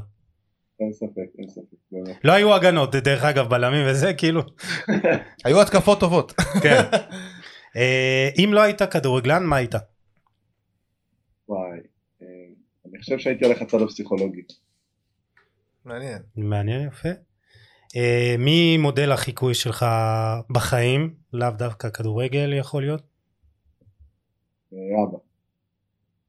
השחקן הטוב בעולם? כרגע, כן. כרגע, אה, אה, קשה לי להגיד כרגע שמסי משחק, שזה לא, שזה לא מסי. אבל את כאילו אתה, אתה מסי בוויכוח של רונלדו מסי? כן, כנראה שכן. אני, אם אישית אתה שואל אותי אה, איזה שחקן אני מעדיף, זה רונלדו. אבל אה. אני חושב שמסי זה באמת משהו שאין מה להתווכח, הוא עושה דברים ש... שלא... מבחינת כדורגלן, מבחינת באמת יכולת, היכולת עצמה. טוב אז היום שניהם לא הכי טובים בעולם אבל כן. מי כן? לפי דעתך? בכושר עכשיו, קרים בזה מה? בלם שאתה שואף להיות כמוהו. ספר רמוס. רמוס, דווקא- דווקא רמוס זה מהבלמים האלה שאתה יודע, הוא הוא לא לא, חושבים. הוא לא, כן, הוא הוא לא, הוא לא בלתי, ודווקא אתה פחות, אתה נראה לי יותר ונדייק כזה, אתה נראה לי יותר טיפוס של ונדייק, תראה איזה איזה מחמאה אני נותן לו, ונדייק, באמת, אה, מזכיר אותו קצת, ונדייק, דן מורי. בין זה, כן, אחלה דן מורי. אה, טוב, אה, קשר. אם כן. כאילו איזה קשר אתה שואף להיות? שייתנו לך לשחק שמונה סוף סוף? אני, אני גם, אה, אני בא מבית ברזילאי, אז אני מחויב להגיד קקה. אמרו לך פעם שאתה מזכיר את דור פרץ במשחק שלך, בסגנון שלך? כן, אמרו לי. זהו, זה גם בכניסות מקו שני, מדהים, ב- ב- מדהים. גם, גם במבנה, שניהם, אתה יודע, בחורים גבוהים, חזקים, אה, גם שניהם עובדים עם רוני, שניהם מהוד השרון. זה הרבה הרבה הרבה עלית עלית תנועה. עכשיו. כן, כן. אה, מאחל לך באמת קריירה, קריירה כמו שלו ומעבר. אה, אה, טוב, אתה אמנם צעיר, אבל אה, בכל זאת, רגע שתיקח איתך לאורך, אה, מה- מהקריירה, ב- מהקריירה הקצרה עד כה. הופעה בכורה ב- בנבחרת. כן. ש- נגד מי זה היה? תזכיר לנו. באוהדים. מה, מה שלום? נגד מי זה היה? אוסטריה. נכון, היה לי את המחצית, לא? מחצית, לפני, אה, החלפתי את ביברס. אה, כן. אפשר לתת דלאפ? תראה, אתה תמיד מוזמן לדלאפ. הוא יגיע יותר רחוק מדור פרץ. לא חושב שזה דלאפ כל כך גדול האמת. תשמע, אתה, יכול להשתפר בדלאפים שלך. לא, זה- איך הרגשת כשעלית להופעת בכורה בנבחרת ישראל? זה כאילו התגשמות כל החלומות כזה? זה... אני יכול להגיד לך שבאותו רגע פשוט באמת לא, זה לא היה לי בראש איזה חלום שהתגשם. אמרת אני רוצה לשחק כאילו זה... כן, אני, אני הגעתי מה... באמת, אני אחד ששם לעצמו כל פעם מטרה, מטרה, יש לי מטרה גדולה, אבל כל פעם אני שם לעצמי מטרה קטנה בדרך. אה, וכמו שזה היה מטרה שהגעתי לנוער של נתניה להפוך להיות שחקן הרכב בנוער, זה היה שהגעתי לזימון בנבחרת הבוגרת לשחק, לקבל, לקב... להראות שמגיע לי לשחק. ואני חושב שבאמת אה, ווילי היה, זה היה מאמן, אני חושב שמהשנייה הראשונה שלי באימון אני ניסיתי להראות לו את זה, ו... וברגע שבאמת הוא קרא לי להיכנס, זה... רק רציתי אה, להראות לו ש... שהוא עשה החלטה נכונה. איך התרשמת באמת מהנבחרת? אתה יודע, באת, אתה יודע, אורח לרגע רואה כל פגע, אבל בכל זאת, מה, איך התרשמת מהנבחרת הזאתי? מבחינה חברתית, מבחינה, אה, אתה יודע, איך קיבלו אותך? אז אני יכול להגיד לך שקיבלו אותי מאוד יפה, ואם הזכרת את אה, דור פרץ, אז אה, אז אני יכול להגיד לך שבאמת אה, היה לי חיבור איתו ו- ו- והיה לי שיחות איתו, והוא בן אדם מדהים, מעבר לזה שהוא, שהוא כן. שחקן, קלאסה. שהוא שחקן דור בעיניי, פרץ זה קלאסה. מדהים גם, ו, וכן, גם דיברנו טיפה על הדמיון ו- ועל זה ש... ו- ואמרתי לו ש- שאני לומד ממנו המון, ו- ו- ושאלתי דברים, ואני חושב שאחד, אה, בלי בושה גם להגיד את זה, אחד הדברים ש- שבאתי לשם אה, אה, זה, זה ללמוד. ו- ברגע שיש שם שחקנים ש, שעשו קריירה ועדיין עושים קריירה כמו ערן זהבי וכמו ביברס נתחו ו, וכמו דור פרץ.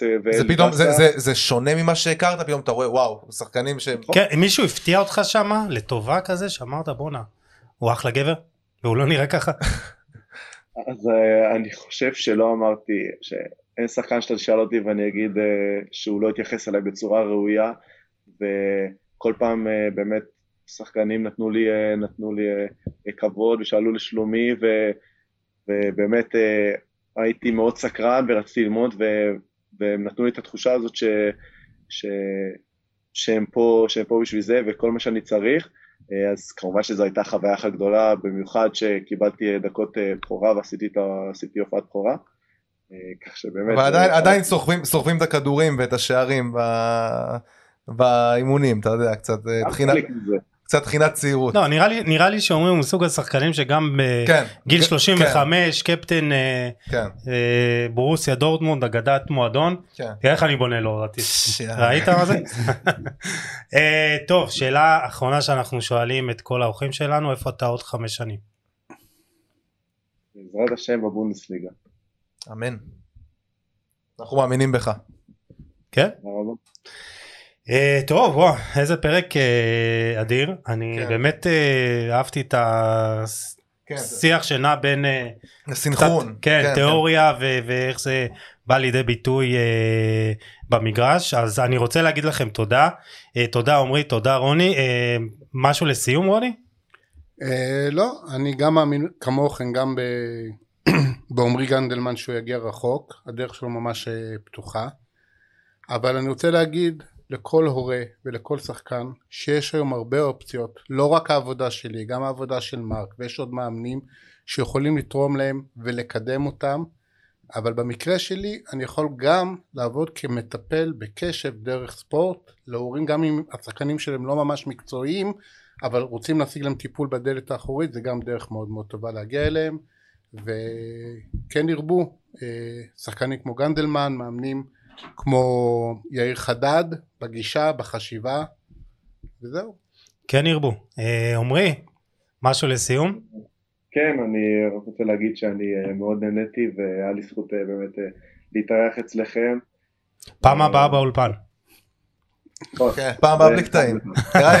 פעם הבאה הוא כבר יהיה בגרמניה או משהו. אז יהיה דרך הזום. כן, עוד פעם. מאחלים לך שפעם הבאה תהיה גם דרך הזום. אבל עמרי באמת תודה רבה באמת היה, היה תענוג אתה רואה פה באמת כן, כמה כן. כמה בגרות יש בשחקן הזה ביחס ביחס לגיל שלו ואתה מבין כשאתה מדבר עם הבן אדם אתה מבין באמת למה.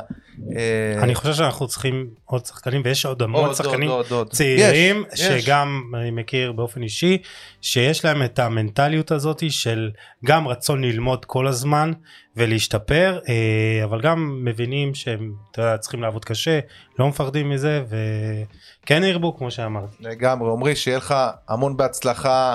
אה, עם נתניה העונה גם בעונה הבאה בנבחרת איפה שתהיה.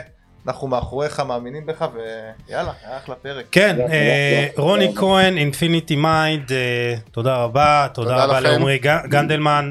תודה רבה גם לעוז נקש האלוף שמפיק עבורנו את הפרק האדיר הזה פאנל פודקאסט ציוד שבראשון לציון. ותודה לכם מאזינים ומאזינות שהייתם איתנו מוזמנים לשתף לתייג ולהאיר את עינינו. אנחנו ניפגש בפרק הבא עם עוד תוכן מעניין ואיכותי תשמרו על עצמכם יאללה ביי